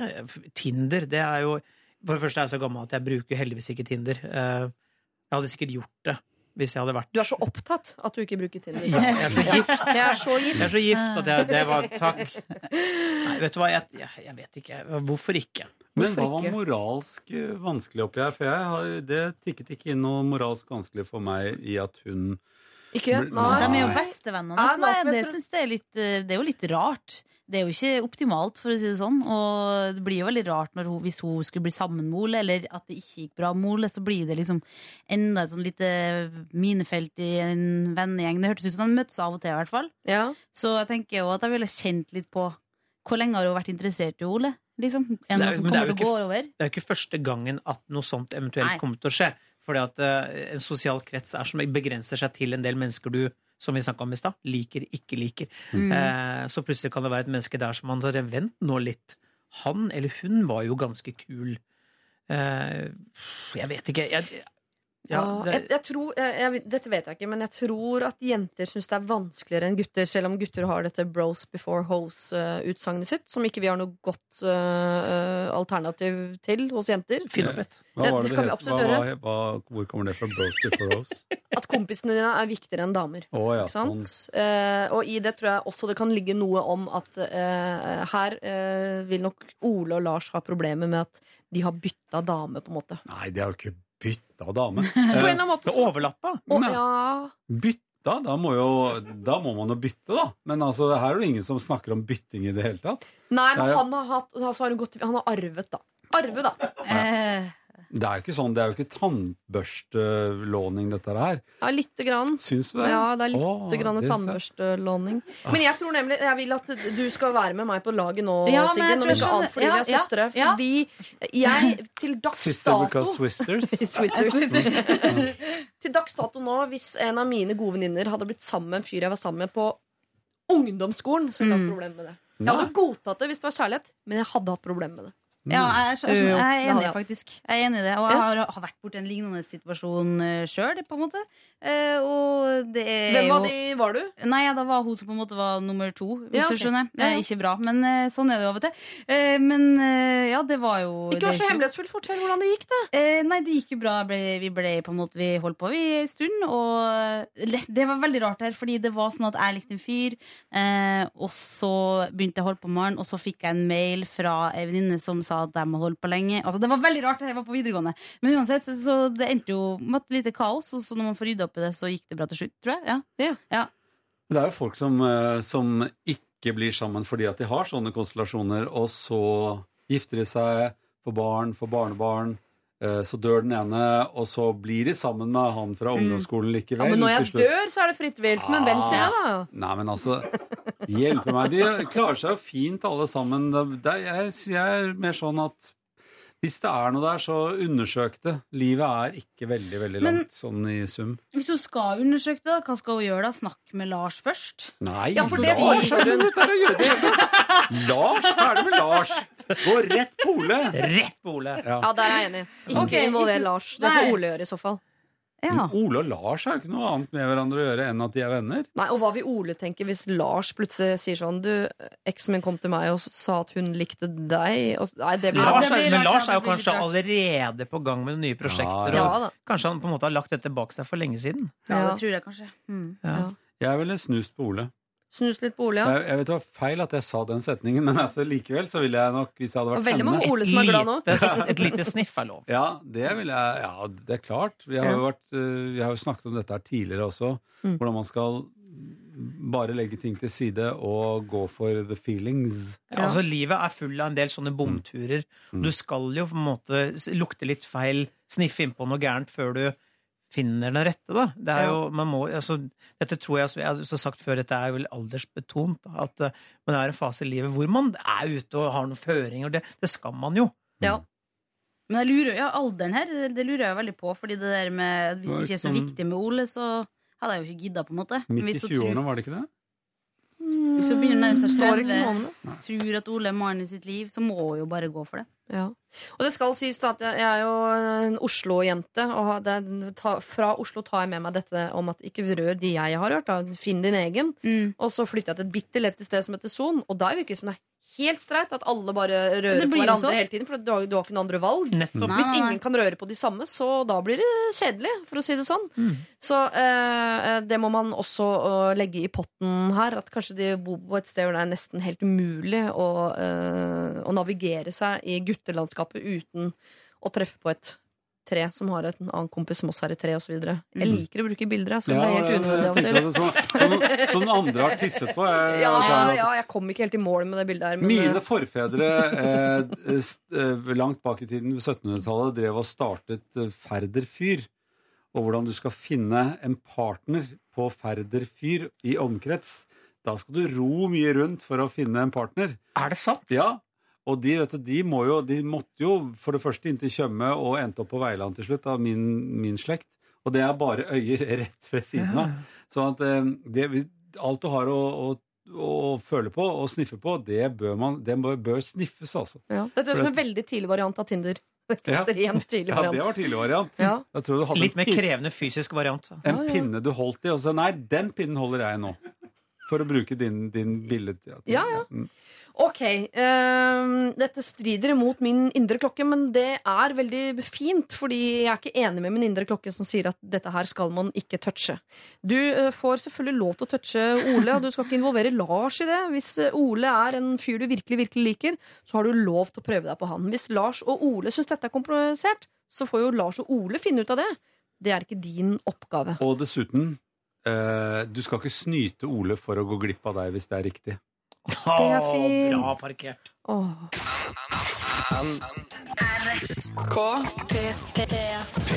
P3. Petit Meller var det. Baby Love heter, eh, heter låta. Baby Love, altså. Ja, det er jo lett å kjenne seg igjen i akkurat det. Eh, Vi har tatt et bilde som jeg har lagt ut på Instagram og eh, Facebook. Du har et litt anstrengt eh, forhold til bilder, eh, tror jeg. Ja, jeg synes det er så, Man må oppføre seg på bilder, for ellers blir det ikke noe godt bilde. Ja, Så jeg oppfører meg på en spesiell måte på bilder. Der prøver jeg å smile sånn som jeg har lært. ja. Altså Et falskt smil er mye hyggeligere enn en sur vanlighet. Så, Ja. det, det, så jeg lager et smil som jeg har lært meg. Sånn ser det ut.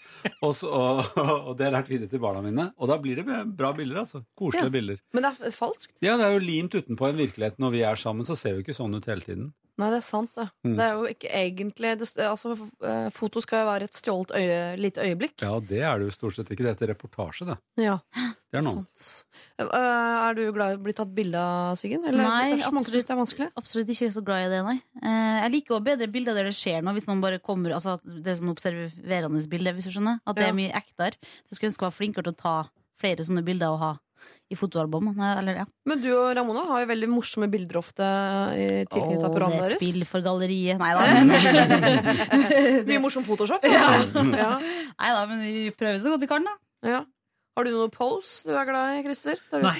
Jeg eh, prøver å sette på det sjarmerende smilet. Men Som det jeg- du har nå, er en god post. Da Ja. ser man det er Christer. Men jeg, lik, jeg har smilt mye i løpet av den sendingen. Jeg kommer til å smile mer, så jeg føler at det var naturlig.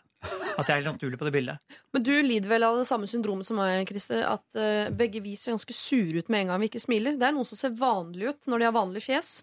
Både du og jeg ser litt sure og strenge ut med en gang vi ikke smiler. Så vi er nødt til å smile vi, for ikke skremme Du der med tatoveringer, og jeg med Jeg har jo bitte liten munn, skal du vite. Det ser jo veldig sur ut når jeg ikke Jeg har smiler. verre at jeg syns jeg ligner på, mer og mer på faren min. Det sliter jeg med. Du har litt sånn dørvaktstil. Ja, jeg vet, jeg vet ikke hva dette er, men Hendene i kors. Faren til Chris var proff dørvakt. Spot on, det greiene der. ja. Nei, jeg, vet du hva, jeg, jeg, ser, jeg ser bare faren min i meg på bildene, og det gjør meg reddere og Du ser det ser ut som du har en hyggelig far. Han var ikke det. Nei, han var ikke så hyggelig, tror jeg. Nei, jeg var ikke det, altså. Nei. Eh, men så ligner jeg veldig på han. Og så, dette er bare genetisk. Dette kan jeg ikke gjøre noe med. Ok. Åh, jeg skulle ønske jeg ligna mer på faren min. Er rent sånn kroppslig. Han er så innmari tynn. Det vært så Ja, det var, det var faren min også. Ja, Han var ikke særlig diger. Altså. Jeg bokstavelig talt spytta ut av kroppen på mora mi, som jeg spytta ut av kroppen på mora si. Bitte små hoder på toppen av deilig helhet, som vi pleier å si. med liten munn. Ja, Det er noen som liker sånne som deg, Siri. Ja, ja, Ja, det er klart de gjør. Mange er av oss er her i dag. Ja. Eh, Vi skal til et miljø hvert øyeblikk hvor det ikke er så mange av meg. På så mange måter. Eh, Hvilket miljø det er, får dere vite straks. Men først skal vi altså innom Envy, som de het den gang da de lagde låta In Your Arms. P3. Nico og Vince, eller den gang Envy, eh, som det jo het da In Your Arms eh, ble laget, produsert, gitt ut og elsket. Eh, nå skal vi til et miljø som jeg har veldig liten kjennskap til, men jeg skal ikke late som jeg ikke veit hva det er. Det blir bare dumt. Eh, og her er jeg åpen for personlige erfaringer. Eh, jeg vil jo tro at Christer Torjussen eller Trond-Viggo Torgersen kanskje har flest av dem, men Siggen, her kan du overraske. Hva syns dere om at typen drar på strippeklubb med gutta? spør Hanna. Oi, Det er ut av min smakssone, så det er uh, Strippeklubb er ikke jeg. Jeg har aldri skjønt poenget med stripping. Skal vi Det er. Poenget er Nei da. Jo, men poenget er det, er det er jo noen som tar av seg på en organisert måte, og den organiserte måten er det jeg ikke liker. Jeg Ja. syns ta av seg er jeg for, men organisert ta-av-sing eh, det, det, det, det er så eh, rart. Det blir kunstig for deg. Ja. ja. Å skifte heter alt det andre. Man tar av seg noe, så tar man på seg noe annet. Eh, og så er det det at eh, noen tar av seg på en eh, rar måte der hvor det er mange andre. Og det heter pasient for meg. Så det er, eh, det, er, eh, det er et eller annet rart her ved stripping generelt. Jeg syns det er så pinlig. Jeg syns ikke det er noe fint. Og nå ble jeg veldig nysgjerrig på om det er pasienter som kler av seg på en sexy måte. Hvordan, når en stripper går til lege, altså knipper de en og en knapp opp sakte mens de sleiker seg rundt munnen og sånn? Du klarer jo ikke å være sexy når du står foran en lege. Nei. Nei, det er jo folk stort sett litt engstelige inni seg. Så det blir ikke noe, det blir ikke noe raft over det. Nei, nei, det er kanskje like greit. Eh, da, jeg må jo spørre da, Siggen, om du har noe forhold til strippeklubb? Nei, jeg tror vi hadde besøk av en stripper i min hjemby Kristiansund på et eller annet tidspunkt. Eh, Én stripper. Ja, det var en stripper som kom, og det var i russetida, tror jeg. Og det husker jeg bare at eh, det på et eller annet tidspunkt var at hun dro ut et perlekjede fra et område, og, og det var veldig sjokkerende. Så når vi Dro snakket om han et perlesøl Nei, ut av dame, rumpa? altså, det var ei Å, ja. dame. Ja. eh, og, Gudskjelov. Han hadde gjemt et perlekjede, rett og slett. ja, ja. Så det var, og det ble snakka om lenge etterpå, men det er egentlig det eneste jeg har sett eller eh, hørt eller vært Men det er jo en slags inspirerende handling. Men eh, ellers så syns jeg stripping som, som eh, Altså som poledancing også, det er, hva er meningen med Hva er det for noe tull? Kan bli ålgren også. Hva Ja, det synes jeg Hva var problemstillinga igjen? Ja, om, eh, man, det er jo Hanna som lurer på om vi syns det er innafor at typen drar på strippeklubb med gutta. Det kommer jo an på hva slags type han er. Hvis han, altså jeg har vært på strippeklubb én gang. Ja. Det var på en såkalt gentlemen's club i Stockholm. Og jeg har aldri sett så lite gentlemans noensinne på ett og samme sted. For det som skjedde, var at jeg følte meg bare beklemt, for at jeg klarte ikke å assosiere meg med disse mennene rundt meg som er altså Jeg følte det var sånn grisete menn putter penger opp i strømpebåndet. Altså sånn jeg, jeg, klar, jeg, jeg opphøyde meg selv til en sånn Sånn er ikke jeg kind of guy. Jeg er ikke en sånn gris. Så jeg bare følte at det var ubekvemt, og jeg syns bare synd på de damene fra Russland Ja. som sto der og, og dansa. Eh, Ja, Hvis man ikke vet alt det der Jeg mener at nå i vår tid så vet man jo hele bakteppet for en sånn strippeklubb. Altså det Ja. er damer som på en lei måte er kommet i den situasjonen at dette er en fin måte å tjene masse penger på, og skal man forhåpentligvis komme seg ut av det på et eller annet gitt tidspunkt. Det er det samme med, med en del sånn luksusprostitusjon. Eh, og jeg mener at da blir det på en måte litt annerledes å gå på strippeklubb enn det var i den tiden hvor det var sånn eh, hva heter det, sommerenker, hva heter det for noe, gressenkemenn. Ja. Som, ja, da var det noen sånn underholdning for gressenkemenn, eh, og det var litt sånn uskyldig og sånt nå. Men eh, nå er det mye mer koblet til prostitusjon og koblet til Menneskesmugling. ja, ja, ja. og plutselig så er det mye vondere enn underholdningsbransjen mente det som. Eh, og kanskje det ikke aldri har vært lekkert. Men eh, for meg er dette her eh, Så lenge det høres ut som noe som er utilgjengelig, som skal virke veldig fristende, sånn som tivoli var i gamle dager, at det, der går det rundt på en, og, og på, sitter på en, på en liten ting, og så går hestene rundt av seg sjæl. Eh, Nå vet vi at uh, karusell kan du lage sjæl. Så det Ja. er liksom Jeg mener at hvis du ikke kan få det til dette her hjemme, så er det ikke noe Det er ikke stor underholdningsverdi i det. Nei. Men nå gir vi da på en måte råd egentlig til samfunnet om at strippeklubb ikke er så Ja, Ja, det er ikke så Dropp kult. det, på en måte. Men Hanna har en kjæreste som av og til går på strippeklubb med sine guttekompiser. Da. Og øh, så langt har hun latt han fått lov til å gå på det, og så tenker hun er litt for raus. For jeg tror ikke hun, Hennes problem i dette er ikke politisk og i forhold til trafficking og i forhold til alle de tingene Nei, nei. Hun syns det er vanskelig at han går for å se andre nakne damer. Jeg skal kort og greit si hva jeg syns. Jeg syns at Hvis hun syns at dette er ubehagelig, så skal hun kunne si 'jeg syns ikke at du skal gjøre det'. Kan dere ikke gå og gjøre noe annet? Gjør noe, hvis dere er ute og drikker. Det fins så mye andre ting å gjøre enn å gå på strippeklubb. Jeg veit om masse ting, og jeg har vært mye ute de siste 20 åra. Og jeg har Ja. ikke vært på strippeklubb. Så det, hvis hun syns det er ubehagelig, da syns jeg han skal respektere det. Ja. Hva tenker du, øh, Sigrid? jeg, er jo egentlig enig i det, men så tenker jeg også, liksom, lurer veldig på hvordan type strippeklubb det er. Hvordan er stemninga der? Og er det liksom sånn at det her er noe alle guttene i guttegjengen gjør, og så drikker de masse øl, og så ha-ha, syns de altså, eh, Hvor mye kontakt er det? er, hvis jeg merker at jeg får litt lyst til å være spion. Altså, Ja, ja. Hvis du skjønner, Man får lyst til å gå undercover og finne ut hva det egentlig er for noe. En guttegjeng som drar på stripeklubb, drar Ja. dit for å betale overpris overprisa drinker og se på prostituerte som gjør seg til og kler av seg. Og du kan vel legge på ekstra penger for å få deg en lapdance på avlukket. Du kan også kjøpe Nå, ble jeg veldig moralsk her, men det er det en strippeklubb er. Og jeg kan godt forstå at for en partner hjemme at det Nei, det er noe særlig. jeg jeg. Det Jeg er jo ikke hypp på at noen skal gjøre det. Men jeg tenker liksom, det er så ja, nå, nå tenkte jeg litt på det som at det var sånn åh, lættis å gå på strippeklubb og ta en øl der, liksom. Men det, ja, det høres ikke noe ut som noe jeg har lyst til at min kjæreste skal gjøre, egentlig. Når du sa det Nei, sånn. men hvis du hadde da en kjæreste som hadde lyst til å gå på strippeklubb fordi at jeg sa det, altså så ville jeg spurt har du gjort det før. Eh, nei, det har jeg ikke gjort før. Ja, men da syns jeg du skal gjøre det, så kan du se hvordan det er. Mm. Eh, eh, og kan jeg være med, Ja. kan vi jo snakke om som nummer to. Eh, fordi at noe av dette her er jo ting som man kanskje burde vite om, eller mene noe om, eller uh, å finne ut av hverandres smak. Ja. Uh, og så, hvis du har vært på strippeklubb en gang og ikke syns det var noe særlig, så er det et uh, greit tegn for at du er i et forhold som fungerer. Er det noe du bare må gjøre, dra på strippeklubb med kameratene dine, så vil jeg si OK, det eh, Da får du ikke så mange poeng hos meg, ville jeg sagt hvis jeg hadde vært kjæresten. Men du kan godt være en sånn kjæreste som har en kamerat som går på strippeklubb, men da har du en sånn kjæreste. Jeg tenker at Her er det fristende å svare på litt forskjellige nivåer. Jeg synes i hvert fall jeg hører at vi er ganske enige om at sånn, eh, generelt så er vi vel ikke så positivt innstilt til strippeklubbkonseptet i det hele tatt. Og synes egentlig vel skulle ønske at kanskje ingen gikk dit. Hvis du skal ned på mer sånn mikronivå om akkurat typen til Hanna skal gå dit, eh, så svarer jo eh, nei på makronivå. Ingen skal gå dit. Ei heller typen din. Eh, og da er det vanskelig egentlig å svare noe annet enn nei. Vi syns ikke at typen din skal gå på strippeklubb, og da syns vi ikke at du skal tillate han å gå på uh, strippeklubb. Det er ett unntak. Et unntak, og det er hvordan er han når han kommer hjem? Uh, ville jeg spurt. Hvis han er da tent, og at det uh, gjør han litt tent, og at det er et problem at det, han ikke er så tent, så uh, ville jeg jo gått videre den veien også, da. Bare for å åpne for problemstillinger. Ja, men hvis vi i utgangspunktet er enige med at vi er imot strippeklubb, og hvis vi tar med oss hele liksom, den med bakteppet, trafficking og sånn, så tenker jeg at eh, Jeg, jeg syns ikke det at han får liksom halvbenderen, er liksom unnskyldning for hele det bakteppet. Men guttegjenger kan ofte være litt sånn styrt. Ikke sant? At det er en sånn greie de gutta har. Ja. Ikke sant? Det er, sånn er ofte gutter i en viss alder. At da, da skal vi gjøre det, og da skal vi sikkert på hytta på fylla den helga. Den helga der skal vi på go-go-bar, et eller annet. Altså, de er, sånn er gjerne guttegjenger. Bestående av fem, seks eller tolv eller fire.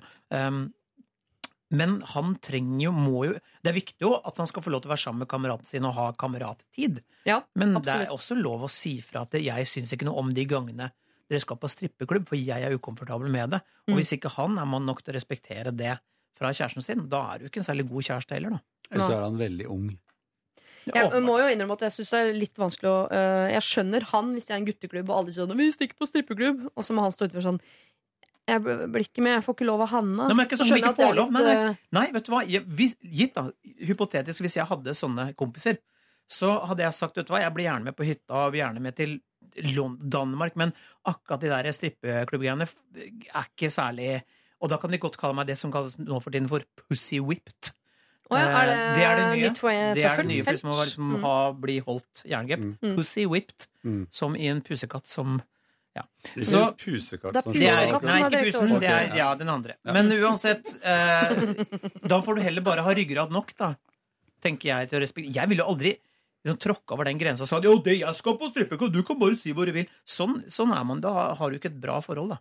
Jeg tror jeg kan si på vegne av eh, de fleste kvinner at jeg ville synes det var møkkasexy med en mann som sa eh, klart ifra til kompisgjengen sin. Ja. Strippeklubb.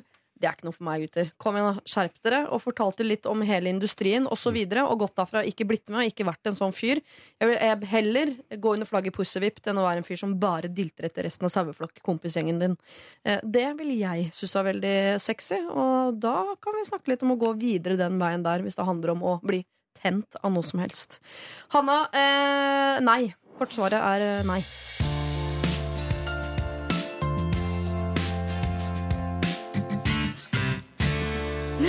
Det er veldig lett å si Madcon. Det der Don't Worry eh, synger de altså sammen med Ray Dalton.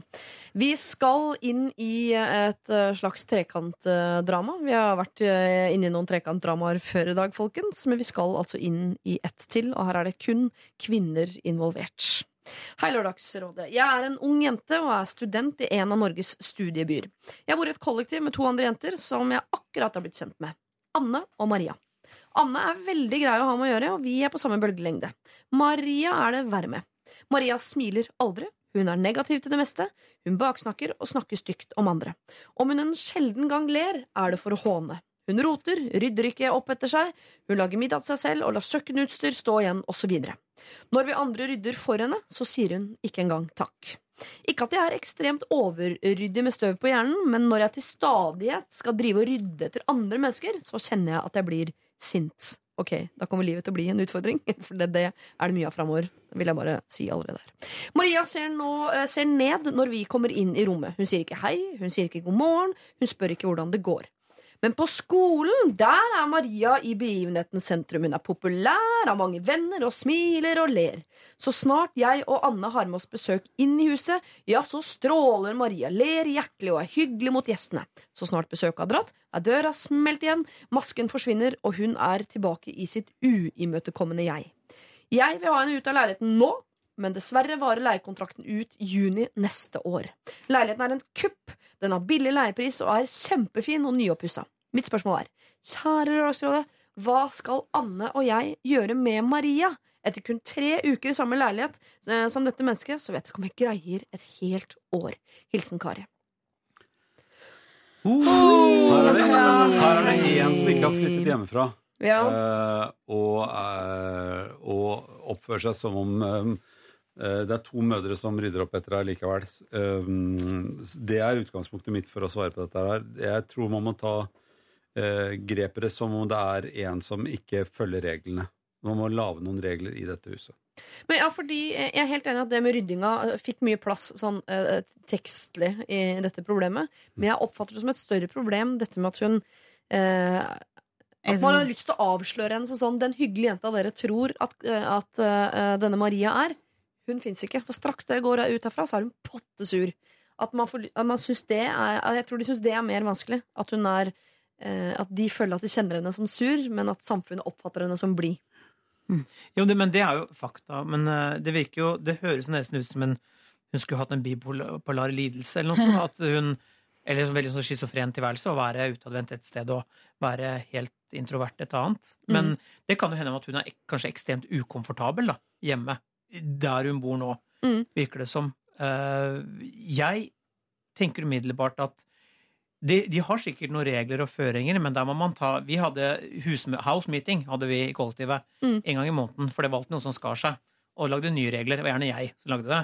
Så jeg ble Ja. kalt for sånn kollektiv nazi. Men uh, jeg var nå en gang det, for at jeg, i kollektiv så blir man gjerne sånn Hvem har tatt min salamiskive? Man, man blir gjerne sånn Mm. veldig smålig og henger seg opp i Den sjampoflaska, den sto ikke der i går.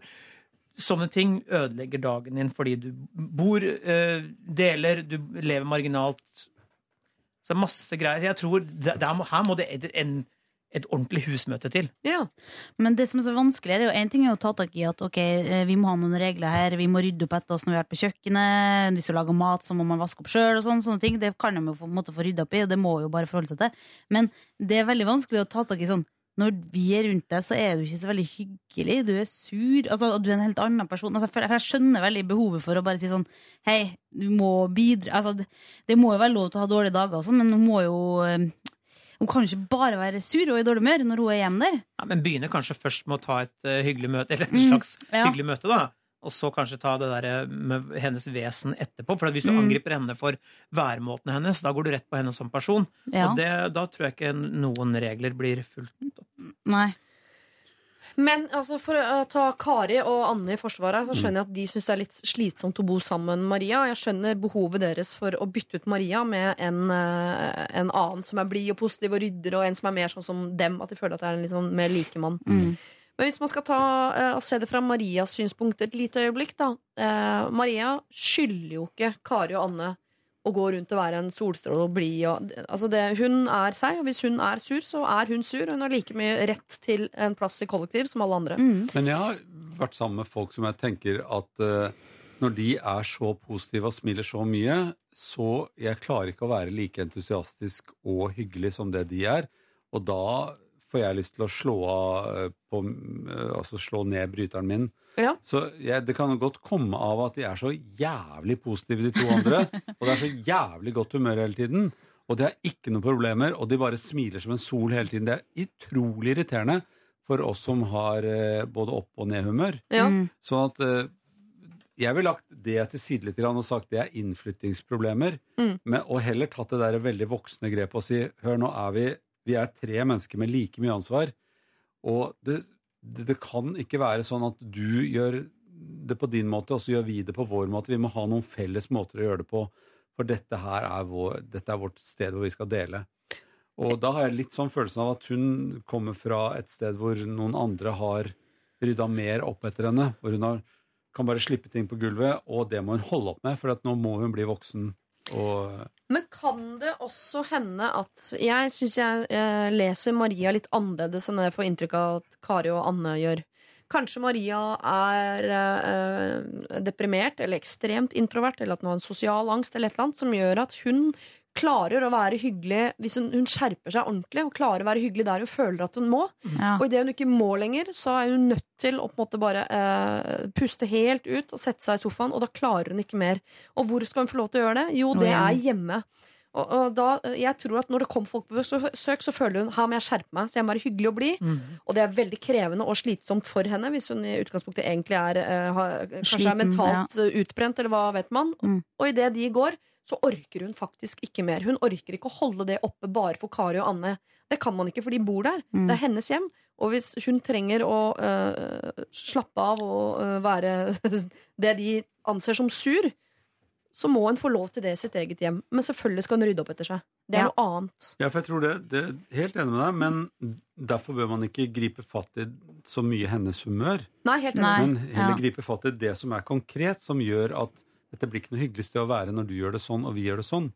Så vi må ha noen felles regler, som, som Christer også sier, at vi må, vi må lage sånn er det her. Hvis du trenger å trekke deg tilbake, så skjønner vi det veldig godt. For det, sånn er, er jo veldig mange av oss. Vi trenger liksom å ha et sted hvor man kan bare ikke behøve å ta noe hensyn. Ja, og Men hvis det kan hun ikke gjøre i der, alle rommene absolutt hele tiden. kan hun ikke gjøre det. Og hvis vi skal ta tak i det med humøret hennes, så mener jeg at da må det være med en nysgjerrighet og en kjærlighet Mm. og et ønske om at hun skal få det bedre, at hun skal være blid mer av tiden. Ikke at hun skal please deres behov for at hun også skal være sånn ja, som dere. Enig, enig det. Det, det på en måte står ikke i leiekontrakten. Men det der med ryddinga, det må du jo absolutt ta tak i. Eller Ja. Selvfølgelig må man det. Det er jo det det her det, det er, Alt handler om det i et kollektiv. At man yter sitt for fellesskapet. Det er det kollektive ordet stammer fra. Så det, og hvis hun bare men som, det kan jo godt hende det er sånn at du sier at det er ikke sikkert hun gir faen er likegyldig. Det kan godt hende at det er en enorm pressituasjon for henne med sosial angst eller en eller annen diagnose eller noe som tynger henne. da. Og da er vel kanskje det første beste er å komme overens med henne, da, på et eller annet vis. Og få en dialog, at vi på en måte vi er på lag. Og ta det sakte, men sikkert derfra. Ja. Og det har vi jo snakket om før i dag også, for så vidt, at man er nødt til å omgås de i ikke liker-bunken. Det må man jo bare gjøre. Mm. Unnskyld, Sigrid, hva skulle du si? Nei, jeg tenker på det kan jo at Hvis de skal snakke om det med rydding, og sånn, at de klarer å finne ut litt av sånn Hva er det dere ønsker ut av det kollektivet her? Jeg føler jo at vi gjør for mye sammen, liksom. Kunne dere tenkt at vi altså, Skjønner jo at man kanskje snakker litt mer om hva man egentlig har lyst til når man er hjemme i sitt eget hjem. da Ja. Og da kan det være er enklere for henne å si sånn Når jeg er hjemme, så må jeg bare sone litt ut, slappe av. Jeg har sjukt mye stress for tida. Så, det handler, ja, så det handler om det, rett og slett. Bare ikke gjør det. Jeg gjorde jo en sånn tabbe. Vi var fire gutter i kollektiv. uh, hvor en av oss sleit litt med å, å måtte ta tak i ting. Og jeg bare ble mer og mer Gestapo på han enn å forsøke å komme inn på han. Mm. Ja. Uh, og det er kanskje en, en tabbe jeg ser ettertid. Fordi at vi kunne hatt et mye bedre forhold. Det hadde ikke vært for at jeg var sånn Sånn og sånn skal det være, og hvis det ikke er sånn, så klikker jeg. Ikke sant? Og sånn, sånn var jeg. Ja. Eh, kjeftesmelle og til jeg ble tatt på det. Eh, det var litt for seint, da. Og de har bare bodd sammen i tre uker også, så de kjenner jo ikke Maria ennå. De vet ikke hvem hun er. Og det er jo noen som kommer inn i, i samme rom hos meg, eh, party med en gang. Og så elsker ja. hverandre, alt er gøy, alt er gøy. Det er ikke alle som har Åh, den slitsomt. motoren, og det må være lov. Ja. Maria må få lov til å være Maria, men Maria må rydde etter seg. Ja. Det, Så enkelt er det vel. Sånn Og så er det jo fascinerende å tenke på også en liten ting som jeg lærte av min lærer på barneskolen, Mary Andersen. Den dagen det kom en edderkopp inn i rommet, og jeg sa 'æsj, edderkopp er det ekleste jeg vet'. Hvorpå min lærer sier 'kanskje du er det ekleste edderkopper du vet om'. Mm. Kanskje Maria ikke liker dere så godt. Mm. Kari og Anne. Jeg bare nevner det.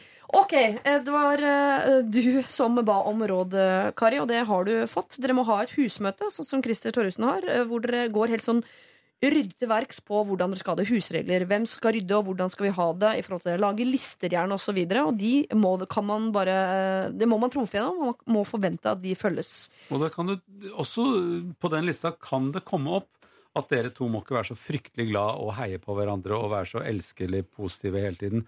Man må få lov å være litt seg selv og stille også. Ja. Og kanskje ikke stille opp så fryktelig sosialt. Og jeg har vært gift i fem år, og vi har jo husmøter ennå.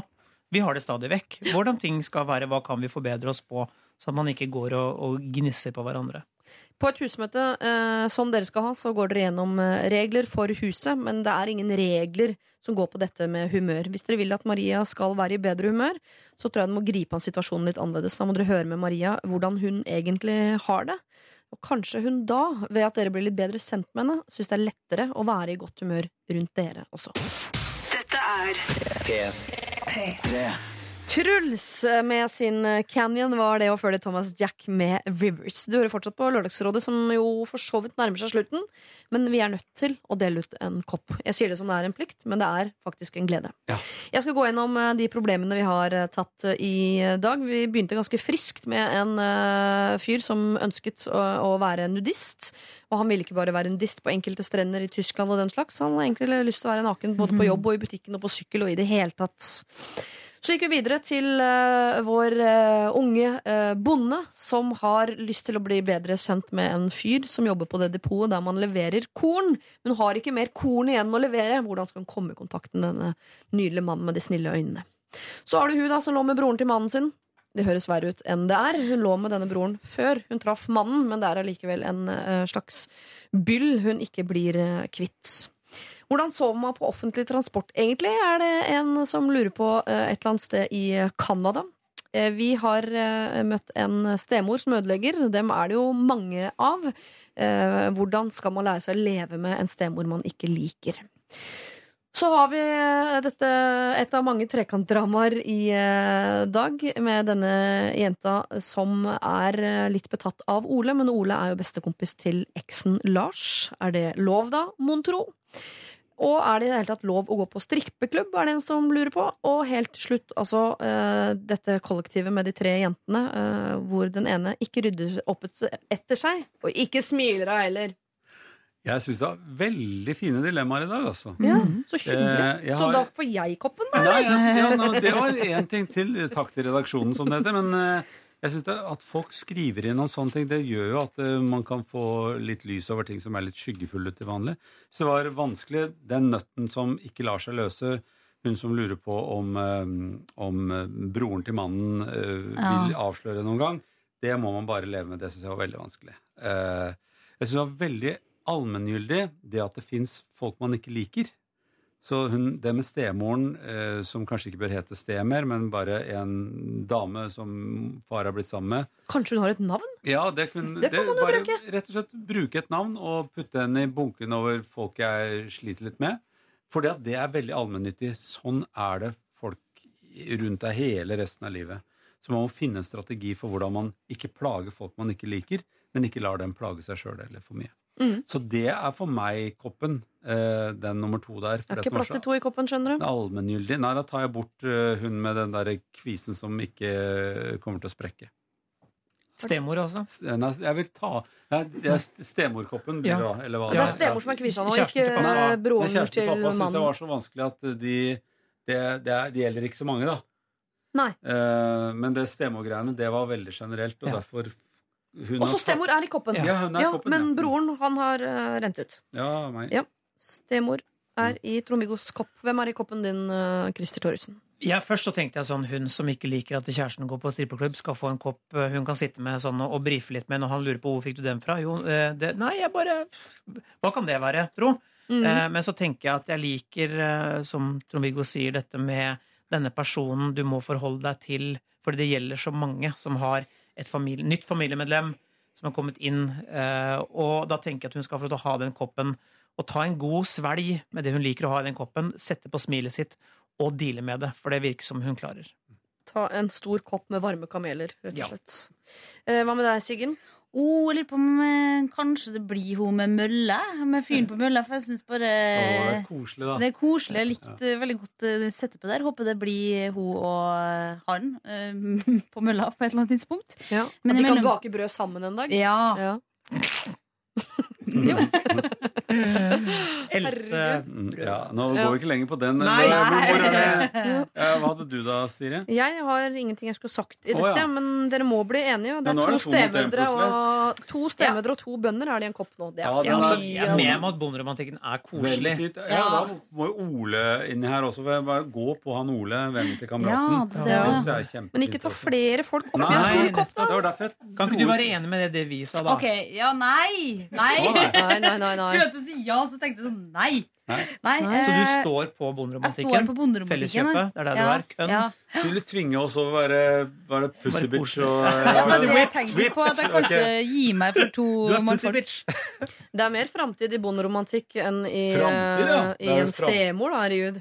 Ja, men, da, Greit, men ok, jeg kan bli med på traktor og, og romantikk og korn. Jeg kan, Ja. jeg kan det. men jeg vil høre hvordan det gikk, Ja, da. det er det jeg vil så gjerne høre hvordan det går. Det vil vi veldig gjerne høre, og det gjelder egentlig alle dere som har fått råd i dag. Vi vil vite hvordan det gikk, om dere brukte rådene våre, eller om dere ikke brukte rådene, og hvordan gikk det når dere gjorde det eller ikke gjorde det, osv. Det vil vi vite, og det gjelder alle. Men det er eh, en plikt til eh, deg, kjære nydelige, vakre bondebudeie, som Ja. den har blitt. Du må ta med seg koppen og stikke innom mølla en gang til. Du må innom den mølla en gang til, og vi vil vite hva du sa, hva han svarte, når dere skal gifte dere, og hvor mange barn dere har. eh, gratulerer, du har altså fått en kopp. Tusen takk til dagens rådgivere. Jeg har hatt det så hyggelig! Takk, det var så hyggelig å være her. Det gjenstår for meg å si som jeg alltid gjør, at du selvfølgelig har mulighet til å laste ned denne sendingen som podkast, i likhet med de fleste andre sendinger vi noensinne har hatt her i Lørdagsrådet. Dagens eh, sending er det Dr. Jones som har eh, produsert eh, for NRK i samarbeid med David og Goliat. Frem mot eh, nyhetene så får du høre Sondre Hustad med sin Riv i hjertet, og så er det igjen klart for lunsjkake her på P3. Ha en fortreffelig lørdag, du også. Dette er P3. Dette er P3. P3.